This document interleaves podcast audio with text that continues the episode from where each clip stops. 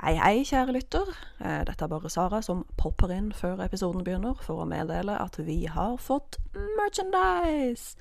Yay! Gå inn på dodsvele og hardingfele.threadless.com.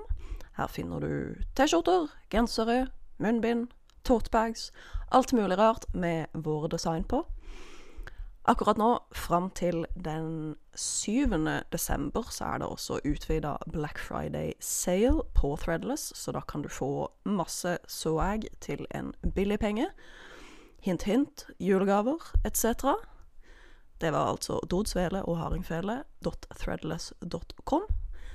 Yay!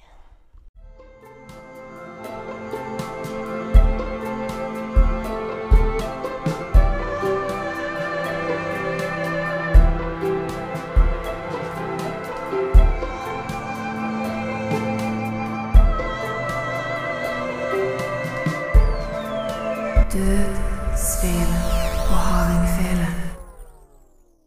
Hei, Sara! Hei, Maria. Hei. Nå eh, er vi back on track, som det heter. Ja. ja. Vi har jo egentlig planlagt at vi skal spille inn hver søndag framover. Mhm. Men eh, i dag er det mandag. Ja, ja. Ja. Jeg vet jo som kjent ikke hvilken dag det er lenger, så for min del så er det egentlig akkurat samme. Innerst inne i meg sjøl så kjenner jeg at å, jeg skulle ønske at velferdsstaten Norge bare kunne ha sånn borgerlønn, sånn at alle bare kunne være hjemme og spille inn podcaster og se på TV. Ja, du måtte nok kanskje gjort litt mer enn det for å få borgerlønn, men jeg syns jo i utgangspunktet også at det er en veldig god idé. Jeg synes det. Hva, hva mer tror du man måtte gjøre? Måtte ha gjort hvis man hadde hatt borgerlønn? Jeg ser jo for meg at man kan oppfylle samfunnsnyttige oppgaver som å gå og måke snø hos gamle damer og sånt. Det er så sykt smart, det, Sara. Ja, Shit. det er jo totally worth it. Og så Gamle damer kan jo ikke måke snø selv. Nei, og de, tenk så glad de blir. søppel, rydde strender Altså masse ting man kan gjøre. Det er så lurt, det. Hei, regjeringa, nå som arbeidsledigheten er så høy, kanskje det er en ting vi skal begynne med? Kanskje det er en ting. Og så kan alle disse millionærene kanskje måtte bare leve et helt normalt liv og ikke ha 100 Teslaer. Jeg elsker at eh, Det som er gøy for meg, da, Sara, så har jeg alltid tenkt at du er, sånn, eh, du mye mer politisk interessert enn det jeg er. Jeg er ikke så eh, Jeg følger ikke så mye med. Men eh, hver gang vi snakker sammen på denne podkasten, så ender det alltid opp med noe sånn litt sånn politisk sånn Hei, Erna, eller bjeffer på noen. Og jeg bare eh, eh, Jeg håper alle som hører på podkasten, har merket til at jeg følger Sara veldig, og det er fordi jeg ikke kan så mye. så det du sier, Sara, er sånn Ja, det er nok riktig. Altså, man trenger jo ikke kunne så mye for å synes at det er helt OK at de som har mest penger, betaler mest skatt, for eksempel. Nei, det, til og med uh, har skjønt at det er helt, uh, helt selvsagt i mitt hode. Ikke sant? Og det er ikke sånn at jeg kan så fryktelig mye om politikk, jeg heller. Det er bare et par ting som jeg bryr meg om. Og så snakker jeg veldig mye om de tre tingene. Jeg skjønner. Makes me seem very smart. yes, but it does. It really does. Nei, um, hei. Uh, hva har du gjort siden forrige sønn... Nei, forrige fredag? Torsdag? Torsdag spilte vi inn. Torsdag? Du har det, mann. Ehm, på fredag så var jeg en tur hos uh, min venn Sven. Hei, Sven. Min nye bestevenn. Det rimer! Fuckings hell! Sa jeg det sist gang? Nei, det tror jeg ikke. Sven, min nye bestevenn. Det er så gøy. Herregud. Ja. Anyways, ja. Det var gøy, eller? En annen ting som er gøy med Sven, er at han nettopp tok eh, svennebrev. Sven er faktisk en Sven. Det er gøy. Unnskyld, men jeg syns det var kjempegøy. Hva tok han svennebrev i? Er det lov å spørre om? Eh, metallkunst? Er det noe man kan ta svennebrev i? Ja, eller er det noe sånn smed et eller annet? Jeg vet ikke hva den Oh, det, det jeg si, ordentlige termen for det er, men han er metallkunstner i hvert fall. Åh, han blir bare kulere og kulere for hver gang vi snakker om Sven. Sven, altså, du Åh, jeg synes har mann og barn. Nei, det er bare kødda.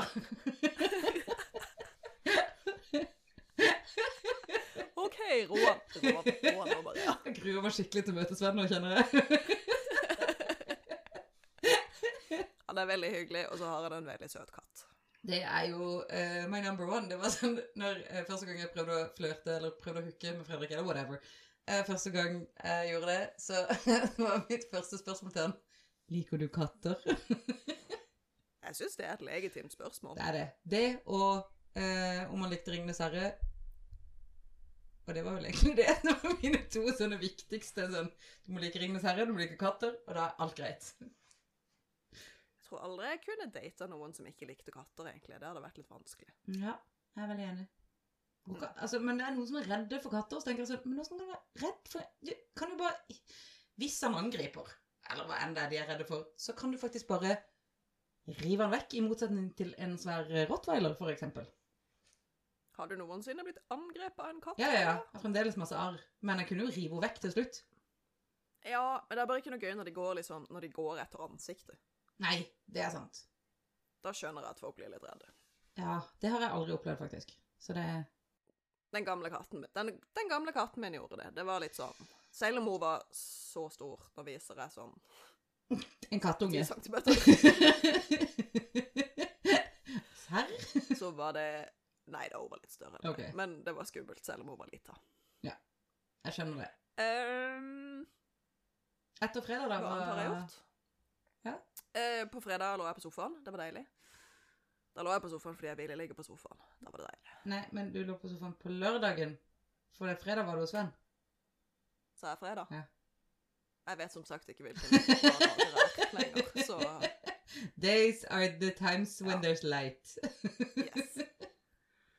Eh, I går så var jeg en tur og besøkte min bror. Jeg har jo vært der mye fordi han jobber mye, så jeg har sittet barnevakt for uh, niesene. Uh, men uh, nå var jeg jo der på en søndag, og da var jo han faktisk hjemme. Så koselig. Så det var hyggelig. Jeg har ikke sett ham på kjempelenge, så det var koselig. Fikk faktisk snakka med en bror i dag. I går. En, da, en dag som, var, som var verdt. The times when there is light. Og i dag var jeg en tur i storbyen Oslo mm. og kjøpte meg en ny laptop. Congratulations! That Gratulerer. was a long time coming. Det var det. Det var jo sånn når vi begynte å spille inn denne podcasten, så satt jo meg og Sara Vi satt jo i samme rom. Eh, og da var jeg sånn Hva er den lyden? Når vi hørte på podcasten. Eh, og så fant vi ut det var Sara sin PC som lagde en sånn kontinuerlig lyd. Men det verste er at den gjorde ikke det før, og den har ikke gjort det siden. What?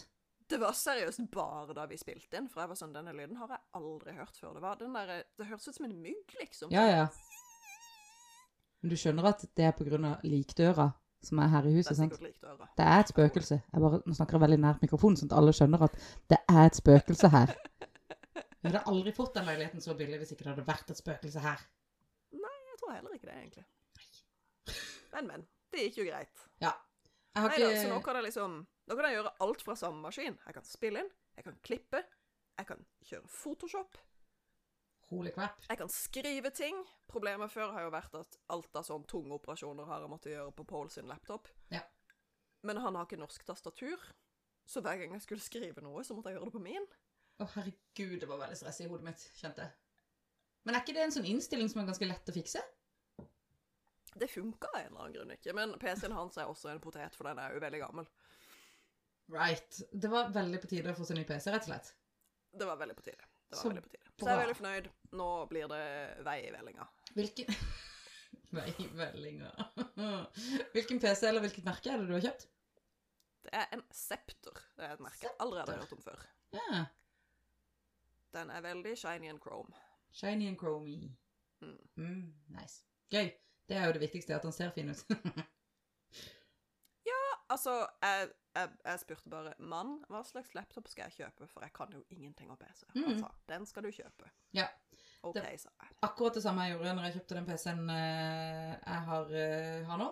Eh, den er jo nå Jeg kjøpte den vel i 2017, så den er jo noen år. Mm. Eh, og da, den gang da, når jeg kjøpte PC, så var jeg sånn Jeg skal skrive masse eksamener, må kunne game, og det var vel egentlig det som jeg satt sånn som preferanse, og da kjøpte Fredrik sånn motherfuckers gaming-PC. Så han er dritbra. Det er bare at jeg har jo aldri brukt den til å game. Jeg stoler ikke på alt det der tekniske jævelskapet, altså. Jeg er OK, Magda. Magda 60. Det er Magda!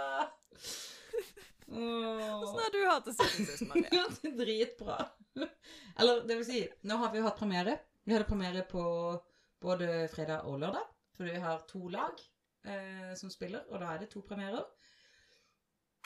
Eh, brukt 1500 kroner på verdens beste ungdommer og barn som er med i denne produksjonen. Det er gøy. Eh, en gang til.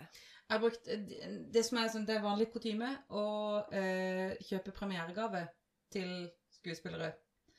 Men når du har eh, 16 kids som er med, og du skal kjøpe premieregave til, så blir det jo litt mye penger. Uansett hvor lite du kjøper. Um, så har jeg brukt litt mye penger da, på de. Men det var verdt det, fordi de er seriøst Jeg kommer ikke over hvor fete de ungene er. Ungdommene, unnskyld. Det kan du vel skrive av på firmaet. Ja, det har jeg spart på kvitteringa. Ja. Smart. Yes. Um, så nei, så det, uh, det var godt å på en måte bli ferdig med den. Så jobba jeg på søndag med den andre jobben som jeg føler at jeg har forsømt litt. Ble ferdig med jævlig mye der, og var liksom stolt over at eh, jeg liksom nådde alle fristene og liksom klart det, selv om den forrige uka var død. Mhm. Så eh, kunne vi, egentlig skulle vi to spille inn i går, men så fikk jeg lov til å utsette det. Og det var liksom Altså, det akkurat som jeg har fått lov til å senke skuldrene litt, da. Så deilig. Ja. Så i dag så var jeg på jobb og gjorde litt sånn ymse sånn småting som jeg skal gjøre. Begynte å skrive en tekst og bla, bla, bla. Og så vet ikke, sånn en rolig dag. Og så har vi hatt eh, inn, Vi har filminnspilling her hjemme. Jeg og Fredrik har vært med i en film som masterstudentene på UiA driver med akkurat nå. Noen masterstudenter på UiA. Så vi har vært med sånn Vi har spilt inn en Kall det en reklamefilm, men det er jo ikke det. Det er liksom en sånn intro til en spillefilm. Hvor de intervjuer og snakker med veldig lykkelige familier.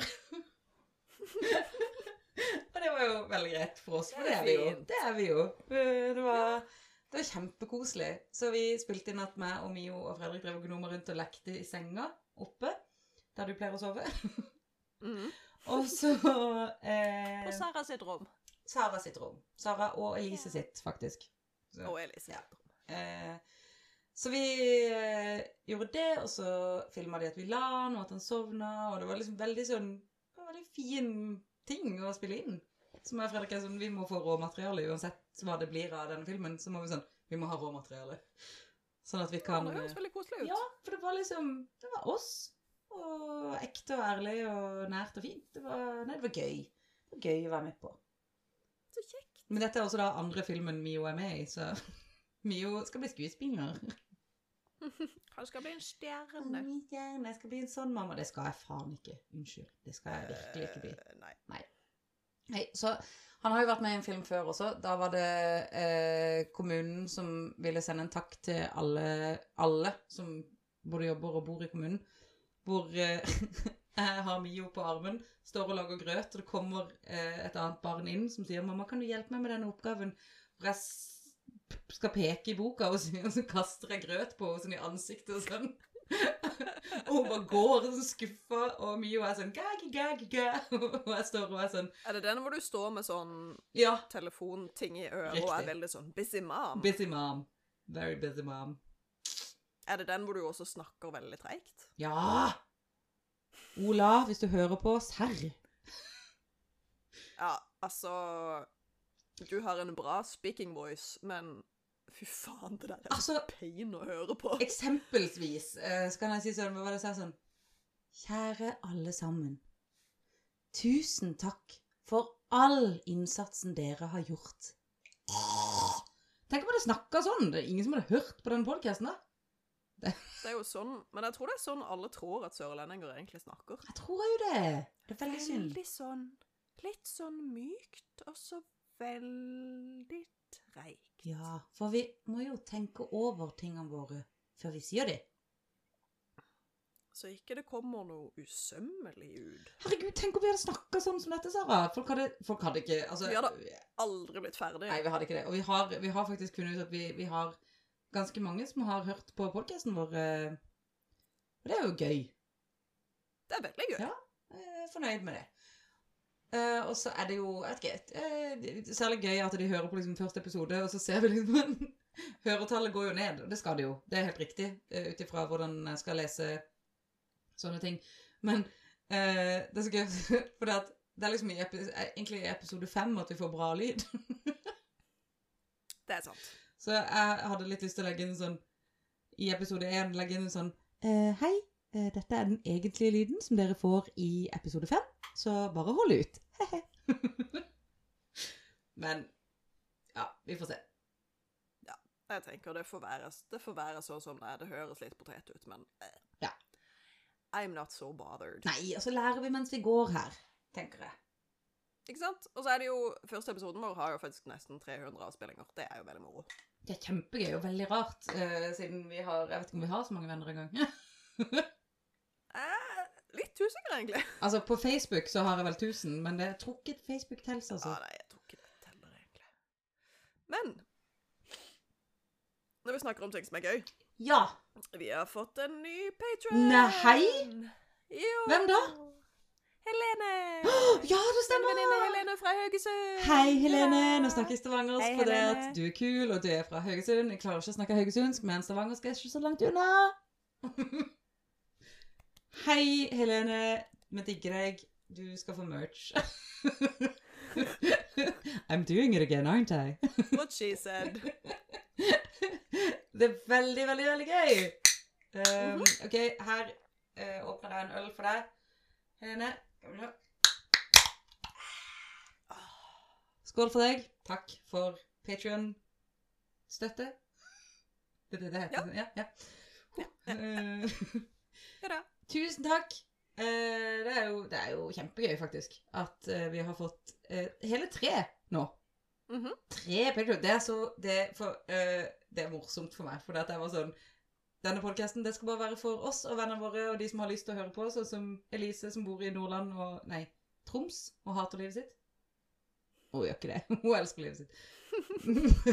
men hun bor langt borte, og det er dritt. Men hun liker å høre på oss fordi hun ikke kan henge med oss til daglig. Det er veldig koselig. Ja. Det syns jeg også er veldig koselig. Uh, så da er det ekstra gøy at Helene nå er en venn av podden på en sånn spesiell måte. Mhm, Mm -hmm. Det er stas. Herregud, det er så fett. Tenk tre patrions. Jeg vet ikke hvor mange patrions alle andre har, men det er sikkert 100 000. Vi er sånn Jeg tror de har ganske mange flere, men Er det så farlig? må begynne et sted. Det er ikke så Og tenk det, da er det liksom Odd som nummer én. Er det Sven som nummer to? Mhm. Helene som nummer tre. Dere ligger liksom på toppen av lista, guys. Dere fortjener eh, Dere skal komme på toppen. Altså, vi skal lage sånn Wall of Fame, og da skal de være på toppen.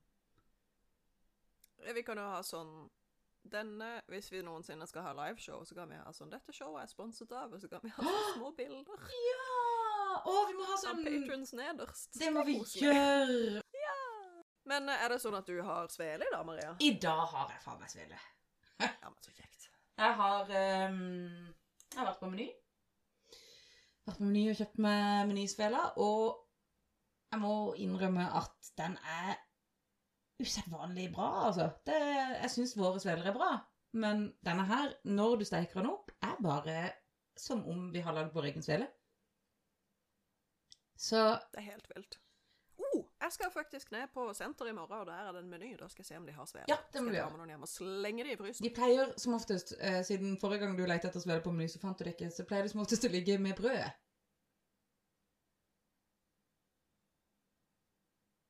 Ja, for det gir mening. Jeg tror det er fordi de er så nylagde. I don't know. Åh. Et eller annet sånt. Ja. Ehm, men iallfall så ligger de, de ligger der nå, og der er de eh, Altså, det er så digg. Og nå har jeg svele med masse smør og litt grann eh, sirup. Og litt grann havsalt. Og Selvfølgelig litt grann havsalt. altså, jeg må ha en T-skjorte hvor det står med et lite dryss havsalt. Du, det er, altså, du- begynner å nærme deg sånn eh, Ingrid Espelid Hovig-tendenser. I know! Og en liten persilledusk. Altså, det kan bli liksom sørlandsversjonen av uh, Ingrid Espelid. Det kan være med et lite dryss havsalt. Jeg liker det. Ja. Uh, nei, og det er jo bare en drøm. Jeg synes at alle burde, Hvis dere ikke har lyst til å lage deres egen svele, gå på Meny. Kjøp dere den, og så steik den bitte grann i smør. And everything is bloody perfect. Og det, det lukter ikke så mye hornsalt heller. Horntakksalt, hva faen heter det? Hjortesalt? Hjortetakksalt? Faen i helvete! Det lukter ikke så mye av det heller, så det er jo alltid et pluss. Uh, ja Mm. Jeg er sveleløs i dag, men det er ikke for lack of trying. Nei. Jeg var på butikken og kjøpte kulturmelk. Oi! Tenkte nå skal jeg lage svele. Tenk, tenkte jeg skulle ta den oppskriften som vi fikk av Elise, som hun hadde fått av sin tante. Mm. Tante nummer to, Også, da, for vi har aldri lagd tante Sonja sin. Nei, jeg tenkte jeg skulle ta tante Sonja sin, men også mekke litt på Ja, den. ikke sant? Ja. Mm. Ehm, og så hadde jeg ikke sjekka om vi hadde egg, fordi vi har alltid egg. Og så sto det en kartong med egg på benken. Og når jeg åpna den, den full av eggeskall. Åh, åh, jeg kjenner sånn inni hjertet mitt hvor utrolig, utrolig provoserende det er. Så da fikk jeg ikke lagd noe svel. Men, Så neste gang. Neste gang skal jeg passe på at vi har egg. ja, men du kan, altså, sånn, neste gang så kan du bare altså, sant, Hvis du skulle på Meny i morgen, da, så kan du bare kjøpe med deg hvis du finner det. Så kan du bare kjøpe det med deg, og så kan du øh, legge det i frysen. Så kan du steke opp én og én. Det er sant. Det er Men jeg har veldig lyst til å prøve å lage en, eh, en eh, hjortetaksaltfri sveleoppskrift. Skjønner. Som blir sånn fluffy, sånn som de vi lagde sist. Som Ja, folk, altså. Det var bra. mhm. Mm. Konsistensen var amazing. Ja. De bare, de bare, luk, de bare lukta litt rart. Det lukta litt giftig, men ja, ja. mm. Eh, mor, mor, Moroting nummer to. Ja. Eh, jeg vi gikk gjennom noen esker. Jeg har et par esker som bare heter ymse, for oppi der ligger det bare alt mulig sånn ræl. Ja. Og så fant jeg denne her. Ser du hva det er? Det er en spilledåse. En bitte, bitte liten spilledåse. Hør nå.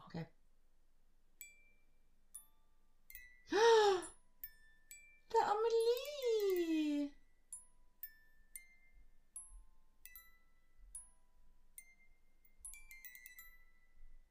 Begynner jeg å grine.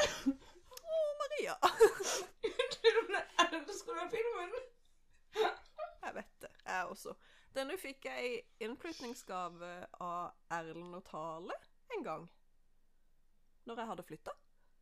Og så fant jeg den igjen. Jeg hadde glemt at jeg hadde den. Så bare Og det, det, jeg syns det er en av de Den sangen er så fin. Nei, for det, ja, den, det er jo det er jo temaet, egentlig, sånn sett. Men å, den er så fin. Ja. Nei, da Ja. har vi gjort eh, Ja. det. Skal vi gå videre til det vi faktisk holder på med i denne podcasten? enige om det. Um, ja, nei, skal vi bare gå inn i sakens materie, holdt jeg på å si? Det skal vi, for nå er i dag er vi i uh, Oslo. Oslo! Merk, merker du at jeg bare var litt stille? Hun var mye i Oslo, men Because I'm an idiot. Altså, jeg er jo, jeg er i Oslo. Er Oslo. Jeg vet ikke helt hvor du er. Er du, i- er du, du er i er Akershus? Akershus. Ja, fordi du var i Oslo Because I failed. Eller jeg gjorde den blunderen å tro at Akershus festning lå i Akershus. Ja. Vi er vel egentlig begge enige om at det er lett å ta feil. Det er lett å ta feil. Det er det. Uh, ja. Ja, men da er vi i hovedstaden. Gode, gamle Oslo. Hei, Oslo. Jeg skulle ønske jeg bodde der. Hvis det er lov å si. Ja, åh, en fin by, altså. Saba. Jeg er så glad i Oslo. Ja. Ok, Før jeg begynner, så jeg sleit veldig med å bestemme meg for hvilken sak jeg skulle snakke om i dag, fordi følgelig, altså i hovedstaden, så skjer det ganske mye rart. ja. Det skjønner jeg jo. Ehm, så først så sto det mellom ehm, drapet på Benjamin Hermansen Oi. eller svartmetalldrapene. Oi! Og det, de er jo veldig forskjellige. altså Jeg syns liksom Benjamin-saken er viktig å snakke om. Eh, for de av dere som ikke husker den, Ja. så var jo det en eh, 15 år gammel gutt som ble myrda på Holmlia eh, av nynazister for snart 20 år siden. Eh, jenta, han var 15. He was a baby. Bitte baby. Ehm, men Ja, den saken blir jeg egentlig bare trist av. Ja, jeg blir ordentlig lei Selv om den er veldig viktig å snakke om. Uh, og så tenkte jeg hm, svartmetallmordene, den saken er jo helt Den historien er jo helt crazy. Den er, unnskyld meg, men den filmen um, som ble sluppet på det, eh, hvor broren til Macaulay Culkin spiller eh, en av hovedkarakterene, den er jævlig Ja, bra. den har jeg ikke sett. Den er så bra, den. Den må du se. Den, den Ja. er dritbra. Den så mer Fredrik. Mm, jeg har sett veldig mye bra, bra dokumentarer om den tida. Ja, det er nettopp den som nett, Eller nettopp, men den som har ligget på NRK nå i to-tre måneder, den er også dritbra. Jeg syns den var litt treig. Jeg likte den. Eh, ja, det er, det er kanskje fordi den, liksom, den snakker til et mainstream-publikum som ikke har noe kjennskap til svartmetall eller miljøet, Mm. og da blir jeg litt sånn snore. Uh, I know all this. This is not interesting. Skjønner. Skjønner poenget. ja Men um, Så det var egentlig den jeg hadde sånn i bakhuet at jeg skulle dekke. Men så, på lørdag, når jeg lå på sofaen Det skjer, da, det skjer utrolig nok ting når jeg ligger på sofaen også. Wow. Så skrudde jeg på gode gamle Netflix. Oh. Og på gode gamle Netflix så er det en TV-serie som heter Unsolved Mysteries. Ja, det er det! Har du sett den? Jeg har ikke sett den! Jeg har ikke sett den episoden ennå! Holy crap! Fordi i episode to av Unsolved Mysteries så snakker de om denne saken her, som jeg liksom vagt husker å ha lest om, men den skjedde for såpass lenge siden at jeg husker ikke Jeg husker ikke noe annet. Men jeg holdt på dette på ræv, så da ble det til at jeg måtte velge den. Jeg syns du gjorde et godt valg, selv om jeg elsker de der svartmetallmordene, for det syns jeg er så, det er så sykt. Veldig glad Det du er, så, det er så sykt også. Det er litt sånn det, bare, det gikk så over stokk og forbanna stein, da. Det var helt Ja.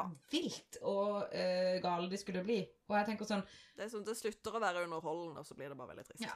Det er det det gjør. For det, det er jo gale mennesker som uh, får lov til å være gale på en sånn måte. Nei, fy faen. Ja. Uh, bare sånn at alle vet det. Når jeg var en del av svartmetall slash gotermiljøet, så var det aldri sånn. Nei, vi kom Altså, vi var jo ganske lenge etter Det det vi var. den bølgen. Alle var jo på Da vi var gotere og metal-folk Vi var ikke metal-folk, men da vi hang med Vi metal-folk, så var jo de bare alltid kjempesnille. Var verdens snilleste mennesker. De gjorde at jeg overlevde tenårene mine. Takk til goterklubber i Kristiansand. Ja. You saved us. Men Ja. i hvert fall, vi skal da til mordet på Oslo Plaza, rom 2800. Det er det de skal. Å, jeg har ikke sett episoden, men jeg har bare sett reklame for den og vært sånn Det er gøy. OK, så eh, Mesteparten av denne har jeg rett og slett tatt rett ut fra dokumentaren, fordi den er veldig bra. Mm. Og så har jeg brukt eh, to artikler på VG i tillegg for å liksom fylle inn litt sånn innimellom. Mm, så Onsdag den 31. mai 1995. Altså, vi var åtte år. Det var vi faktisk. Eh, sjekker en kvinne inn på Oslo Plaza. Plaza var jo på den tiden det mest fancy hotellet i hele Oslo. Ja. Eh, du vet jo hvor Plaza er? Ja, Er ikke det sånn rett ved Oslo S? Jo, det er det der høye ja. speilbygget Ja. som ligger rett ved bussterminalen. ja. ja. Et veldig fint bygg ved siden av. Et veldig stygt bygg. Helt riktig. The story of Oslo in a nutshell. Literally. Yes. Ehm, ja, så hun sjekker inn på dette superdyre hotellet, som på den tida var The Bees Knees. Ehm, etter tre dager så oppdager en av resepsjonistene at hun ikke har oppgitt noe kredittkortinformasjon. Denne damen. Uh, og dette rommet er selvfølgelig dødsdyrt, Ja. Uh, så de prøver å sende noen beskjeder på TV-skjermen på rommet. For det var tydeligvis en ting de drev med på den tiden. Jeg elsker at de gjør det istedenfor å gå opp på rommet og si 'hei, din idiot'. De vil jo sikkert ikke forstyrre Jeg vet ikke. ja, ok, ja.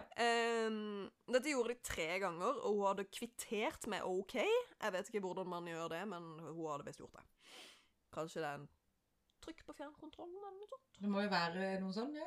Å, tenk så gøy. Ja. Ah, bare trykke på fjernkontrollen og være sånn Yes, Med sitt resid. I understand. Ehm, I hvert fall. Hun hadde kvittert at hun hadde mottatt beskjeden om at hun måtte komme ned og gjøre opp for seg, men hun hadde ikke Hun hadde ikke kommet ned til resepsjonen. Vi hadde ikke det, men vi er ikke, vi er ikke der nå. Vi er ikke ikke Toten. Um, så. eh, det skal ha vært et ikke forstyrr-skilt på døra i to dager. Mm -hmm. um, så til slutt så blir en vakt sendt opp til rommet for å finne ut hva i all verden er som foregår, siden hun ikke ser ut til at hun har tenkt å betale for dette rommet. Så han går opp til rommet og banker på døra. Og så hører hun et skudd fra innsiden. Når han banker på døra? Ja. Da var klokka ti på åtte på kvelden. Eh, dette er vel da mm, Tre Ja, i begynnelsen av juni. Jeg er ikke helt sikker på datoen. Um, han blir selvfølgelig redd, naturlig nok. Jeg skjønner det. Eh, tar heisen ned til jeg liksom, sikkerhetskontoret, eller der som sikkerhetsvaktene holder til på hotellet, Mhm. uh, for å hente hjelp. Og så drar han opp igjen 15 minutter seinere sammen med han som er sikkerhetssjef på Plaza. Uh, så de banker på døra igjen, men de får ikke noe svar.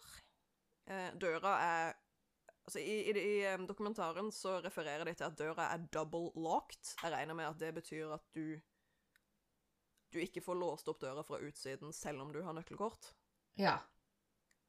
At det er en eller annen sånn sikkerhetsgreie. Ja, ja, ja, selvfølgelig. Ja, det er sånn special eh, Ja, selvfølgelig. Ja, skjønner. Mm. Så døra er, vi sier bare den er dobbeltlåst fra innsiden. Eh, men de har jo sånn fancy sikkerhetskort. Så de låser seg inn på rommet.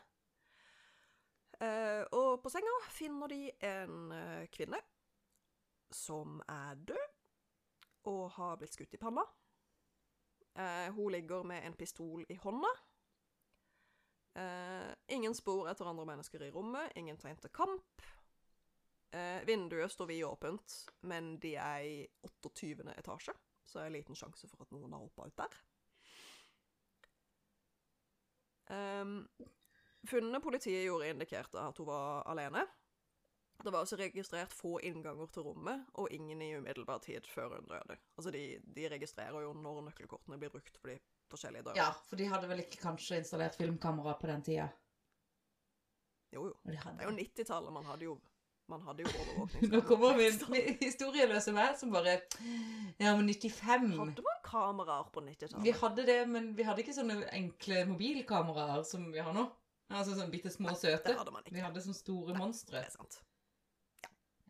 Men da hadde vi store monstre, da. I hotellgangene. Store monsterkamera overalt på hotellet. Ja, det er greit. Og igjen, dette er jo ikke sant, high end, superdyrt hotell med tight sikkerhet, så de har nok De har Ja. både det ene og det andre. De har selvfølgelig De har selvfølgelig dyre kameraer overalt. Ja, ja, ja. ja. Mm. Never mind. Continue the story, please. Ja. Siden døra som sagt var låst fra innsida, og det ikke var tegn til at noen andre hadde vært der inne, eh, antok de at eh, dødsfallet var et selvmord. Men når du skulle skyld i panna Altså Ja. OK? Ja, det er greit? I, ja, jeg er ikke sikker på hvor i panna, men i panna. Panna. Ja, altså hvis Men ikke sant, jeg hadde forstått det hvis det var sånn skutt i panna, og så liksom sånn eh, OK, og nå er det Boondock Saints-referanser her, men eh, måten man holder pistolen på, betyr jo ganske mye der. Så hvis du liksom skyter deg sjøl, så går han jo eh, Jeg holdt på å si eh, inn i panna, altså oppover. Det går kanskje ikke an å se det. Sannsynligvis. Det er jo, Skal du skyte deg selv i hodet, så er det nok enklere å gjøre det nedenfra. Ja. Eh, men jeg vet ikke om det da er større sjanse for å bomme. Eh, akkurat det der kan jeg ikke så veldig Nei, men jeg husker også den der eh, exit-greia hvor han skjøt seg sjøl der og traff feil, og dermed overlevde. Ja, det er vel liksom klare å skyte seg ut gjennom liksom, gjennom siden av ansiktet i stedet for gjennom hodet. Riktig. Det er kjedelig. Fryktelig kjedelig. Eh, ja. Men vi kommer, vi kommer tilbake til det. I, ikke å skyte seg selv ut gjennom siden av ansiktet. Ikke, ikke men, skyt dere sjøl. Ikke gjør det. Bare ikke. Nei, ikke Just gjør det. Eh, I hvert fall. Uh, som sagt, de antar at det er et selvmord, men når politiet gjennomsøker rommet, finner de ingen identifikasjon, ingen lommebok, ingen nøkler, ingen tannkost, ingen personlige effekter, bortsett fra en herreparfyme. Hæ? Men De ser på klærne hennes, og alle merkelappene er blitt klippa bort. Hæ? Men altså, OK, fordi hun øh, Tusen spørsmål. OK. Eh, hun sjekka jo inn. Det var Mhm. hun som sjekka inn, sant? Mhm. Men har dere med seg noen å sjekke inn? Your guess is as good as mine. OK. Og husker du en annen sak vi har snakka om, hvor de hadde fjerna alle merkelappene i Ja, Isdalskvinnen. Mhm. Eh, Klikker. I tillegg til det hadde hun merkelig nok mange gensere og jakker. Men hun hadde ingen benklær. Hun hadde altså ingen ekstra truser. Ingen skjørt. Eller bukser. Hæ? Som jo bare Altså, det er jo ikke mistenkelig engang. Det er bare sykt weird. For det, det vil jeg si at eh, når hun skulle gå ut fra dette hotellrommet, hvis hun noensinne skulle gjort det i levende livet, så hadde hun gått naken på underkroppen, som Donald. Hun hadde, på seg det, hun hadde et skjørt, og det hadde hun på seg da de fant henne. Men bortsett fra det så var det ingen benklær. Bortsett fra noen strømper som de fant på rommet. Hæ? Jeg skjønner Ja. ingenting. Man kan jo bare lure. Ja.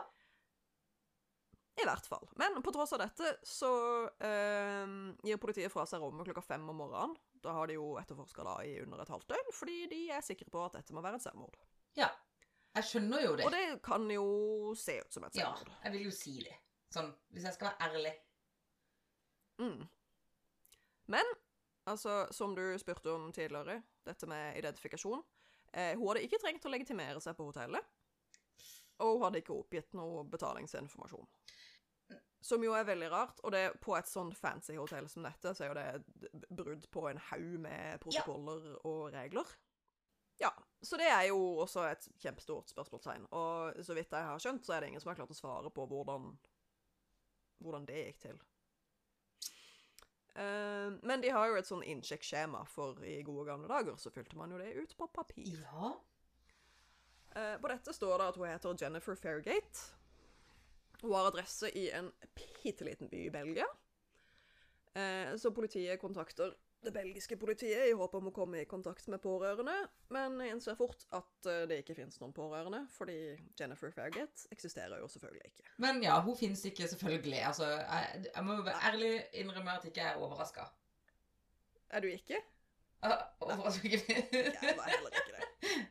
Ja, så nei.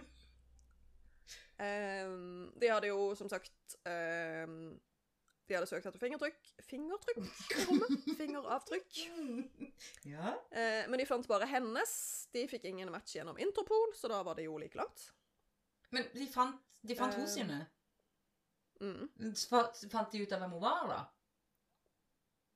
Nei, du må jo ha noen å matche det mot. Og, oh, ja, oh, sånn, ja. Ok, så de fant Ja, man, eh, de fant hos sine fingeravtrykk der, men de fant ikke ut hvem hun var. Jeg skjønner. Ok. Jeg skjønner. Nå var jeg med. Unnskyld, jeg var dum. Det var ikke meningen.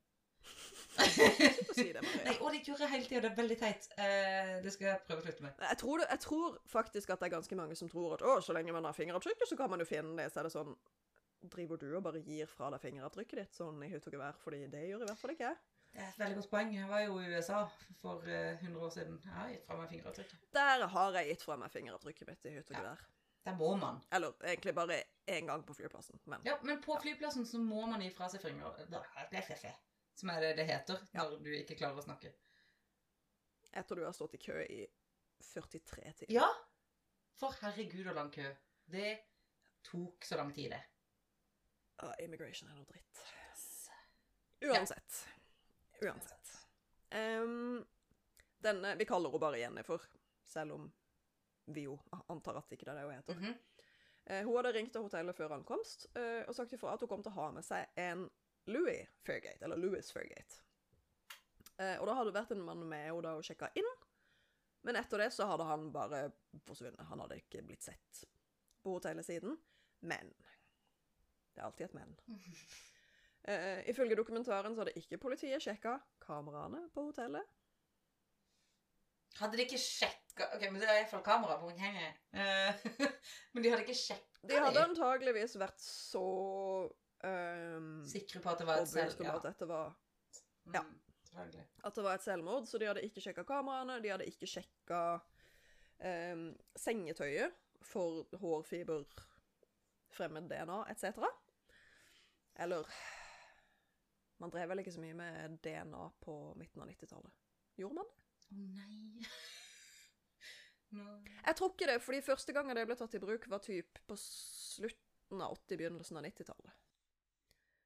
Eh, så om man brukte det, så var det veldig lite sofistikert, og det tok 400 år før man fikk et svar. Ja, for det var jo det det tok jæsklig lang eh, tid. Uansett, eh, de hadde heller ikke sjekka eh, Jeg vet ikke om det heter toksikologi på norsk, men om hun var under påvirkning av noe, bortsett fra alkohol. Så de hadde jo ikke sjekka om hun var dopa på noe annet. Nei. Nei, men det er jo fordi de var så sikre på Men det er jo det som er skummelt. For hvis man tror at en sak Eller hvis man tror at noen har tatt selvmord, så er det sånn 'Å, men du tok selvmord.' Altså sånn Men man avskriver det så fort, da. Vi har jo sett det tidligere i andre saker vi har snakka om, at det er veldig fort gjort å bare Det er helt riktig. Ja ja, Ja. OK. Så. Eh, store deler av den Netflix-dokumentaren, eller den episoden, da, blir fortalt av en fyr som heter eh, Lars Christian Wegner. Eh, han er VG-journalist, eh, og han var Jeg tror, tror nesten vi kan si at han ble litt besatt av denne saken. Men helt ærlig, hvis jeg hadde jobba som journalist, så tror jeg også hadde blitt det. For det hadde vært sånn Det er jo ikke et mm -hmm. endelig svar. Det er, altså, det er som. Isdalskvinnen, egentlig. Det, det er jo noen eh, some striking similarities. I will say yes. Eh, så han tar det på en måte på sin egen kappe og skulle mm, omtrent løse denne saken sjøl. og flere ganger så sier han at han så gjerne vil finne ut hvem hun er, sånn at hun kan få en ordentlig gravferd.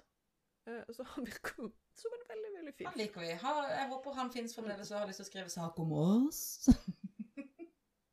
Han, han fins jo fremdeles. Ja, det er vel fins som i, i jobben. Fins i jobben. Altså om han fremdeles Jeg tror han gjør det. Han er ikke, han er ikke så gammel. Nei. Lars? Hallo? Hello, VG. um, I hvert fall, de Altså, politiet beholdt liket i et år før de begrava henne. Sånn i tilfelle noen skulle melde seg, sånn at de kunne identifisere henne. Ja, For da trodde jeg i tilfelle noen skulle melde seg for å ha begått mordet. Jeg bare lol, det er gøy. I did it. Nei. I'm sorry. Mer sånn Det er min datter, kan jeg få ta henne med hjem, please? Mye mer, Det gir mye mer mening enn min forklaring. Herregud, jeg er glad at jeg har spøkelser og ikke krimsaker. ja. Eh, saken ble i hvert fall eh, lukka Lukka? Henlagt? Lukka. I 1996, altså ett år seinere. Og Jennifer ble begrava. Eh, det var ingen seremoni. Det var bare en begravelse. Eh, hun ble lagt i en umarkert grav i Vestre Gravlund i Oslo. Eh, og det var da han her, Lars, vår nye venn, ble involvert i saken. Han, skrev, han skrev en artikkel om den ukjente kvinnens begravelse. Ja. og så sier han i, i dokumentaren, det er veldig fint How could a funeral or a burial be more alone than this one? Det er trist. Det er Eleanor Rigby. Ja, Det er egentlig Ja. det. Um, da hun ble begrava, ble også alt bevismaterialet destruert. He-he, fordi de trodde jo selvfølgelig fortsatt at det var et selvmord. Men dette er en ting, OK? Fordi uh, man skal jo da destruere ting. Det skal man, uh, fordi at jeg har nettopp tatt en sikkerhetskurs på jobb. og der er de veldig sånn nøye på at alt av dokumenter som eh, kan være skadelige, altså sånn, og da er det papirdokumenter, da, skal ødelegges. Men, men Du skal arkivere det. dere jobber ikke dere jobber ikke innenfor forensic må science. Det er ikke helt det samme. Det er kjempe det samme. det er private personopplysninger, og dette skal destrueres med mindre det Ja, ja, GDP. GDPR og alt det der. I know, I know. Men eh, for det første var dette på 90-tallet, og for det andre Jeg tror ikke de samme reglene gjelder når det er en avdød person jeg tror kanskje ikke det. Nei, selvfølgelig. som har dødd under relativt mistenkelige omstendigheter. Veldig mistenkelig. Ja, ok. Ja, fortsett. Unnskyld. Ja. Mhm. Ehm, de neste 20 årene så har vår venn Lars eh, disse notatene i eh, skrivebordsskuffen sin. Og tar de ut innimellom. Og leser litt om denne saken. Eh, og har et håp om å en gang finne ut hvem i all verden denne damen var. Eh, så i 2016 innleda han et samarbeid med Oslo politidistrikt. For å se om de kunne finne ut noe bra. Mhm. Eh, og siden ikke de hadde noe jeg, vevsprøver eller noen ting, de hadde jo kasta alt bevismateriale, så henta de jo Jennifer opp igjen av jorda. Oi, faktisk. Eh, mm, for å foreta DNA, eh, DNA-analyser og analyser av tennene hennes. Um, Ok, så, Men da tror jo også politiet at det er noe mer som ligger bak. For de hadde ikke gjort det hvis en eller annen random eh, fyr hadde kommet og sagt sånn Jeg tror at denne saken er mystisk. Så det, det er jo helt tydelig at de også ser at her er det noe som ikke stemmer. Ja, de har nok sett på det samla sett, og så bare Ja, her dro vi kanskje en litt for uh, forhasta konklusjon. Um, og i tilknytning til denne dokumentaren så dro Lars til eh, et sted som heter Verlaine i Belgia, hvor Jennifer skal ha vært fra. Det var det hun skrev på det der innsjekkskjemaet. Mm. Eh, så han får hjelp av en belgisk journalist for å gjøre research og for å tolke, så de reiser rundt der og snakker med folk. Um, det er litt over 4000 bo- som bor i denne byen. Eh, det er jo knøttlite. Er det Brygge? Så man skulle tro at Har du sett uh, A Night in Bruges? Eller Brygge? Jeg tror det er også Ja. Ja. Føler det er litt samme type Jeg har vært i Brygge. Nei! Jo, det er veldig fint der. Åh, det er sånn en av mine drømmebyer. Fordi at den er så rar, den filmen, og jeg har lyst til å dra dit. Den er veldig, veldig rar. Men det er en vanvittig fin by. Anbefales. Ja, Greit å vite. I hvert fall. 4000 innbyggere, kjempeliten plass. De går rundt med en tegning av henne for å se om noen kanskje kjenner henne igjen. Ja. Em, ingen som kjenner henne igjen. Nei. De prøver også å finne adressen som hun hadde oppgitt. Hun uh, hadde oppgitt at hun bodde i, uh, på Rue, Rue de la Station uh, 148. Men denne gata går bare til 100. Right. OK. Så hun bodde ikke der. Det er jo faen meg Isdalskvinnen en gang til, dette. Det er jo ikke noe tvil. Eh, så de regner med at hun må ha kjent områder, men at hun ikke bodde der sjøl. Ja.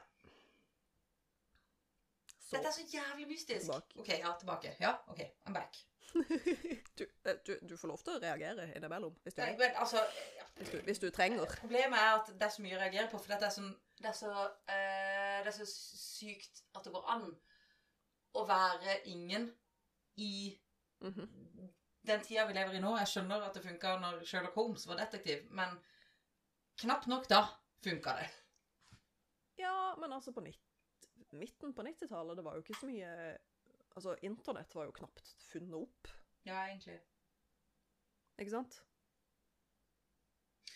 For det er vel nå Men nesten umulig, Men fortsatt å være Ja, nå er det nesten umulig, men fortsatt å være liksom så ingen, og i tillegg kunne reise rundt uten noen identifikasjonspapirer, er jo Jeg skjønner, hvordan, altså, altså, jeg skjønner ikke hvordan hun har klart å komme seg inn på et hotellrom i det hele tatt. Altså, det er der det største problemet i mitt hode er at hvordan klarte hun Altså, hun har jo sikkert eh, flørta seg inn, da. Må jo ha gjort det. Nei, jeg tror kanskje heller noen Noen hadde snakka med noen som kjente noen, og så unngikk de reglene på en eller annen måte. Tenker jeg. Ja. Ja, ja. Ja, det er også selvfølgelig en vei å gå. Uh, jeg, Ja. ja. Men jeg, altså Your guess is as good as mine. Jeg har ingen anelse. Mm. Høre mer. som, eh, som nevnt til det kjedsommelige, så var jo politiets teori at hun hadde tatt livet sitt. Mm. Eh, men da de fant henne, så hadde hun akkurat dusja. Hun var pent kledd. Hadde på seg høye hæler. Eh, så egentlig ut som hun var på tur ut på byen. Ja. Eh, I tillegg var pistolen som hun holdt i hånda, en halvautomatisk 9 mm Browning. Sier ikke meg noen ting. Men det er visst et veldig kraftig våpen. Eh, mer typ et eh, overfallsvåpen, altså assault weapon, enn noe annet. Veldig overkill hvis du Skal ta ditt eget liv. Si det eneste du er ute etter, er å ta Ja, livet ditt. ja. Nettopp. I tillegg har hun en koffert med 25 kuler i. Unnskyld. Hvis du ikke hadde snakka om pistolen nå, så hadde jeg tenkt 25 kuler. Har du klinkekuler? Er det greit? Klinkekuler? Er det klinkekuler du snakker om? Bare, Nei, ikke Hun hadde en hel, en, unnskyld, Det men hun hadde en hel koffert med ku... Hun hadde koffert med 25 runder til denne 9 mm-pistolen. Og som en eller annen politimann som de intervjua i, i dokumentaren, sier så tørt Du trenger jo ikke 25 runder når du skal ta ditt eget liv. Da trenger du jo bare én. Veldig, veldig godt poeng fra den uh, tørre Ja. politimannen. Jeg syns han er kjempesmart. Han er min nye favoritt i den historien. Eller sånn, Kanskje ta med seg to eller tre hvis du mister en Ja. eller to. Men 25 Det er ikke noe vits. Da skal du drepe noen flere. Da skal du ut på tokt. Ja. Skal ut og robbe Oslo. Um, Hele Oslo. Alle sammen. Nok en gang, min geografikunnskap kommer langt i denne podkasten. Um, hun holdt som sagt fortsatt pistolen i hånda da de fant henne. Uh, men hun holdt ikke igjen på den vanlige måten, som med liksom pekefingeren på avtrekkeren. Nei, ja. Hun holdt på en måte pistolen opp ned, og så har hun tommelen på avtrekkeren. Hæ? Hæ? Altså sånn at hun har liksom holdt pistolen opp ned?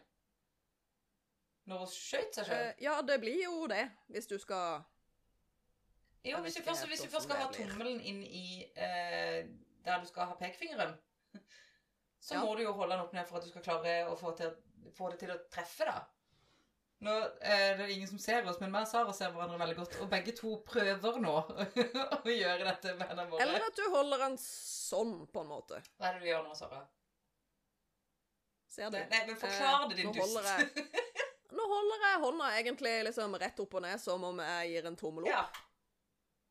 Og så som jeg liksom holder på baksiden av liksom håndgrep-tingen på pistolen med fingrene, og så tommelen på avtrekkeren. ja, sånn at liksom hånda peker sånn mot Ja. Ja. Så, Det gir jo mest ja, så tommelen peker mot panna mi, på en måte. OK.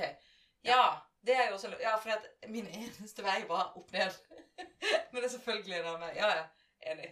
Ja, jeg tror det er enda mer Jeg vet, Det er ingen av disse veiene som gir så veldig mye Nei, mening. denne veien når du skal skyte deg sjøl, Og da hadde du ikke trengt 25 runder. Altså sånn Eller det er kanskje derfor du trenger 25 runder, da.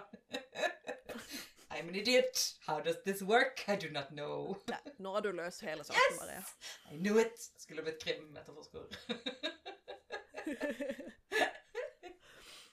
um, men en kriminaletterforsker sier at denne 9 mm-pistolen er såpass kraftig og, og har mye rekyl, um, så det hadde ikke vært noen sjanse for at hun skulle klare å skyte seg selv på den måten, og fortsatt holde den i hånda. Da ville den bare hopp, hoppa ut av Ja, for jeg var sånn du vet sånn som du ser på tegnefilm, hvor pistolen snurrer i hånda. Sånn, det er liksom det jeg ser for meg. At det var sånn. Det er bare hvis du skyter med revolver. Ja, men jeg kan Altså, for meg så var den Browning-pistolen her en revolver. Altså, I don't know. Chris?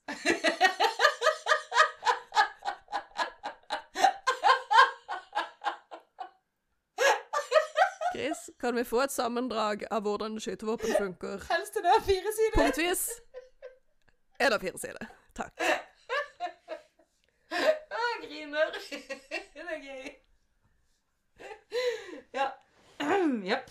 Um, I tillegg viser det seg at hun ikke hadde verken blod eller kruttslam på hånda. Nei, men da, altså Dette fant de ut av når de gravde henne opp. Eh, det er jeg faktisk ikke sikker på om de fant det ut da de gravde det opp, eller om eh, Eller om de så det da de obduserte henne. Ja, ikke sant? det er jeg faktisk ikke helt sikker på. Er det, dette dette synes jeg er et veldig viktig spørsmål. Er det sånn, dere som obduserer, hvis dere hører på Er det sånn at dere sier hva som ikke er der? Når dere obduserer. Skjønner du hva jeg mener? Altså sånn, Jeg som oftest tenker at når du obduserer noen, så sier du det som du ser. Altså sånn øh, Kvinnen er blitt eh, skamfert, eller øh, hva enn da. Hva enn du ser. Men det du ikke ser, er det noe du sier? Skjønner du hva jeg mener? Eller skriver ned? Kan ikke, så, ikke observere grøtland på hånda. Nei, det kommer jo an på om man ser etter det eller ikke. Ja. Jeg, jeg tenker jo at det vil være naturlig uansett når noen har skutt seg selv, eller det ser ut som de har skutt seg selv, og sjekke om de faktisk har skutt seg selv. Jeg er 100% enig. Absolutt. Um, Men da har de jo sjekka, og hvorfor har ingen da reagert hvis, hvis, da, hvis de fant ut av dette under obduksjonen, da? Hvorfor er det ingen som reagerte på Hm, det er ikke noe eh, bevis på at dette mennesket har drept seg sjøl. det, er veldig, det er et veldig godt spørsmål. Det, ikke, det skal jeg finne ut av. Det er jeg faktisk ikke sikker på. Eh, hvis du finner ut av det, så blir jeg jævlig imponert, Sara. Bare sånn Det står jo garantert, det står jo garantert i en eller annen artikkel etter ja, ja, ja, ja. Selvfølgelig. Ja, riktig. I must just scour the internet. Scour. Ehm, ja. Og det var jo selvfølgelig blodflekker på veggene og i hytt og gevær. Uh, men ikke noe blod på hendene hennes. Det var heller ikke noe blod på våpenet. Eller på klærne hennes. Holy crap. OK. Um, så i, i denne dokumentaren så lager de altså eh, Lars, journalisten, og noen åstedsgranskere lager en rekreasjon av hendelsen. Mhm. eh, og hva som kan ha skjedd altså hvis hun ble skutt av en annen person. Ja. Eh, og de regner med at hun ikke hadde blod på klærne fordi noen satt på brystet hennes for å holde henne nede, og så. Det kan ha skjedd, altså, de vet jo ikke, men det er liksom en plausibel oh, forklaring på That hvorfor. is a horrible way to go. Um, og en liten annen sånn tidbit som ikke har noe med det å gjøre, men um, vår, vår venn Lars hadde gått tilbake og sett på loggen over uh, når nøkkelkortet ble brukt. Og stort sett så lot det til at Jennifer bare var på rommet sitt. Uh, men så hadde han snakket med noe vaskepersonale, eh, og regnet seg fram til at hun hadde vært borte fra rommet sitt i rundt 20 timer. Ikke så lenge før hun døde. Hæ? Så hun hadde gått ut, og en eller annen gang etter så hadde vaskepersonalet kommet inn og rydda. Og så hadde ikke hun kommet tilbake igjen før morgenen etter. Men Men det er ingen som vet uh, hvor hun gikk, eller hva hun gjorde. Men 20 timer, og dette var liksom fra formiddagen uh, ut dagen, gjennom natta og til morgensida igjen. Men nå, nå spør jeg nok en gang et eh, teknisk spørsmål som jeg er ikke sikker på om du kan svare på, men, men eh, noen som jobber på hotell. Er det ikke sånn at du sjekker altså sånn Når du beeper inn nøkkelkortet og beeper ut nøkkelkortet, så registrerer han forskjellen? Eh, ikke her, tydeligvis. Jeg vet ikke om det var for... Nei, vet du hva? eh, det var sikkert Jeg regner med at ikke de hadde elektroniske nøkkelkort. Det var vel sikkert sånne, sånne punsjekort. Ja, ja, Sånne ja, ja, ja, selvfølgelig. Det var ikke Det var jo Ja. Mm, mm, mm, Mm. mm, skjønner. Eh, så de hadde jo sikkert sensorer i Naturligvis i dørlåsene, men ikke Ikke noe ja, Ikke noe annet sted. Nei. Um, Ti-ti-ti-ti. Um, Oslo Plaza, dette visste jeg faktisk ikke, men uh, Oslo Plaza hadde vært åsted for fredsforhandlinger mellom Israel og Palestina på 90-tallet. Det var vel det som What? resulterte i den såkalte Oslo-avtalen, regner jeg med. Um, dette var jo selvfølgelig kjempehemmelig, det var jo ingen som visste om det.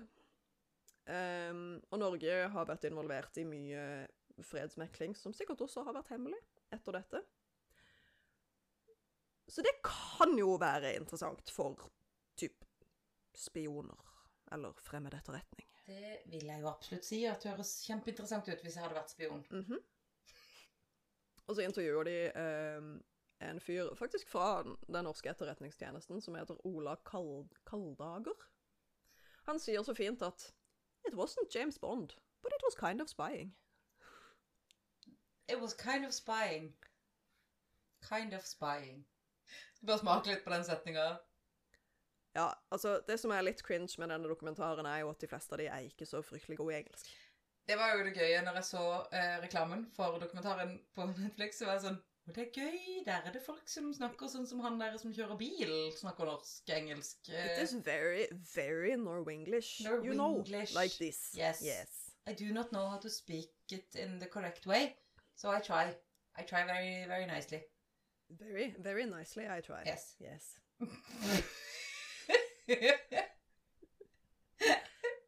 ja. Eh, han her etterretningsfyren sier i hvert fall at eh, han mener at den dummeste teorien, teorien er at eh, Jennifer begikk selvmord. Eh, han tror at dette er en etterretningsoperasjon, og at hun ble henretta. Men det tror jo jeg også. Jeg er helt enig. Ja ja.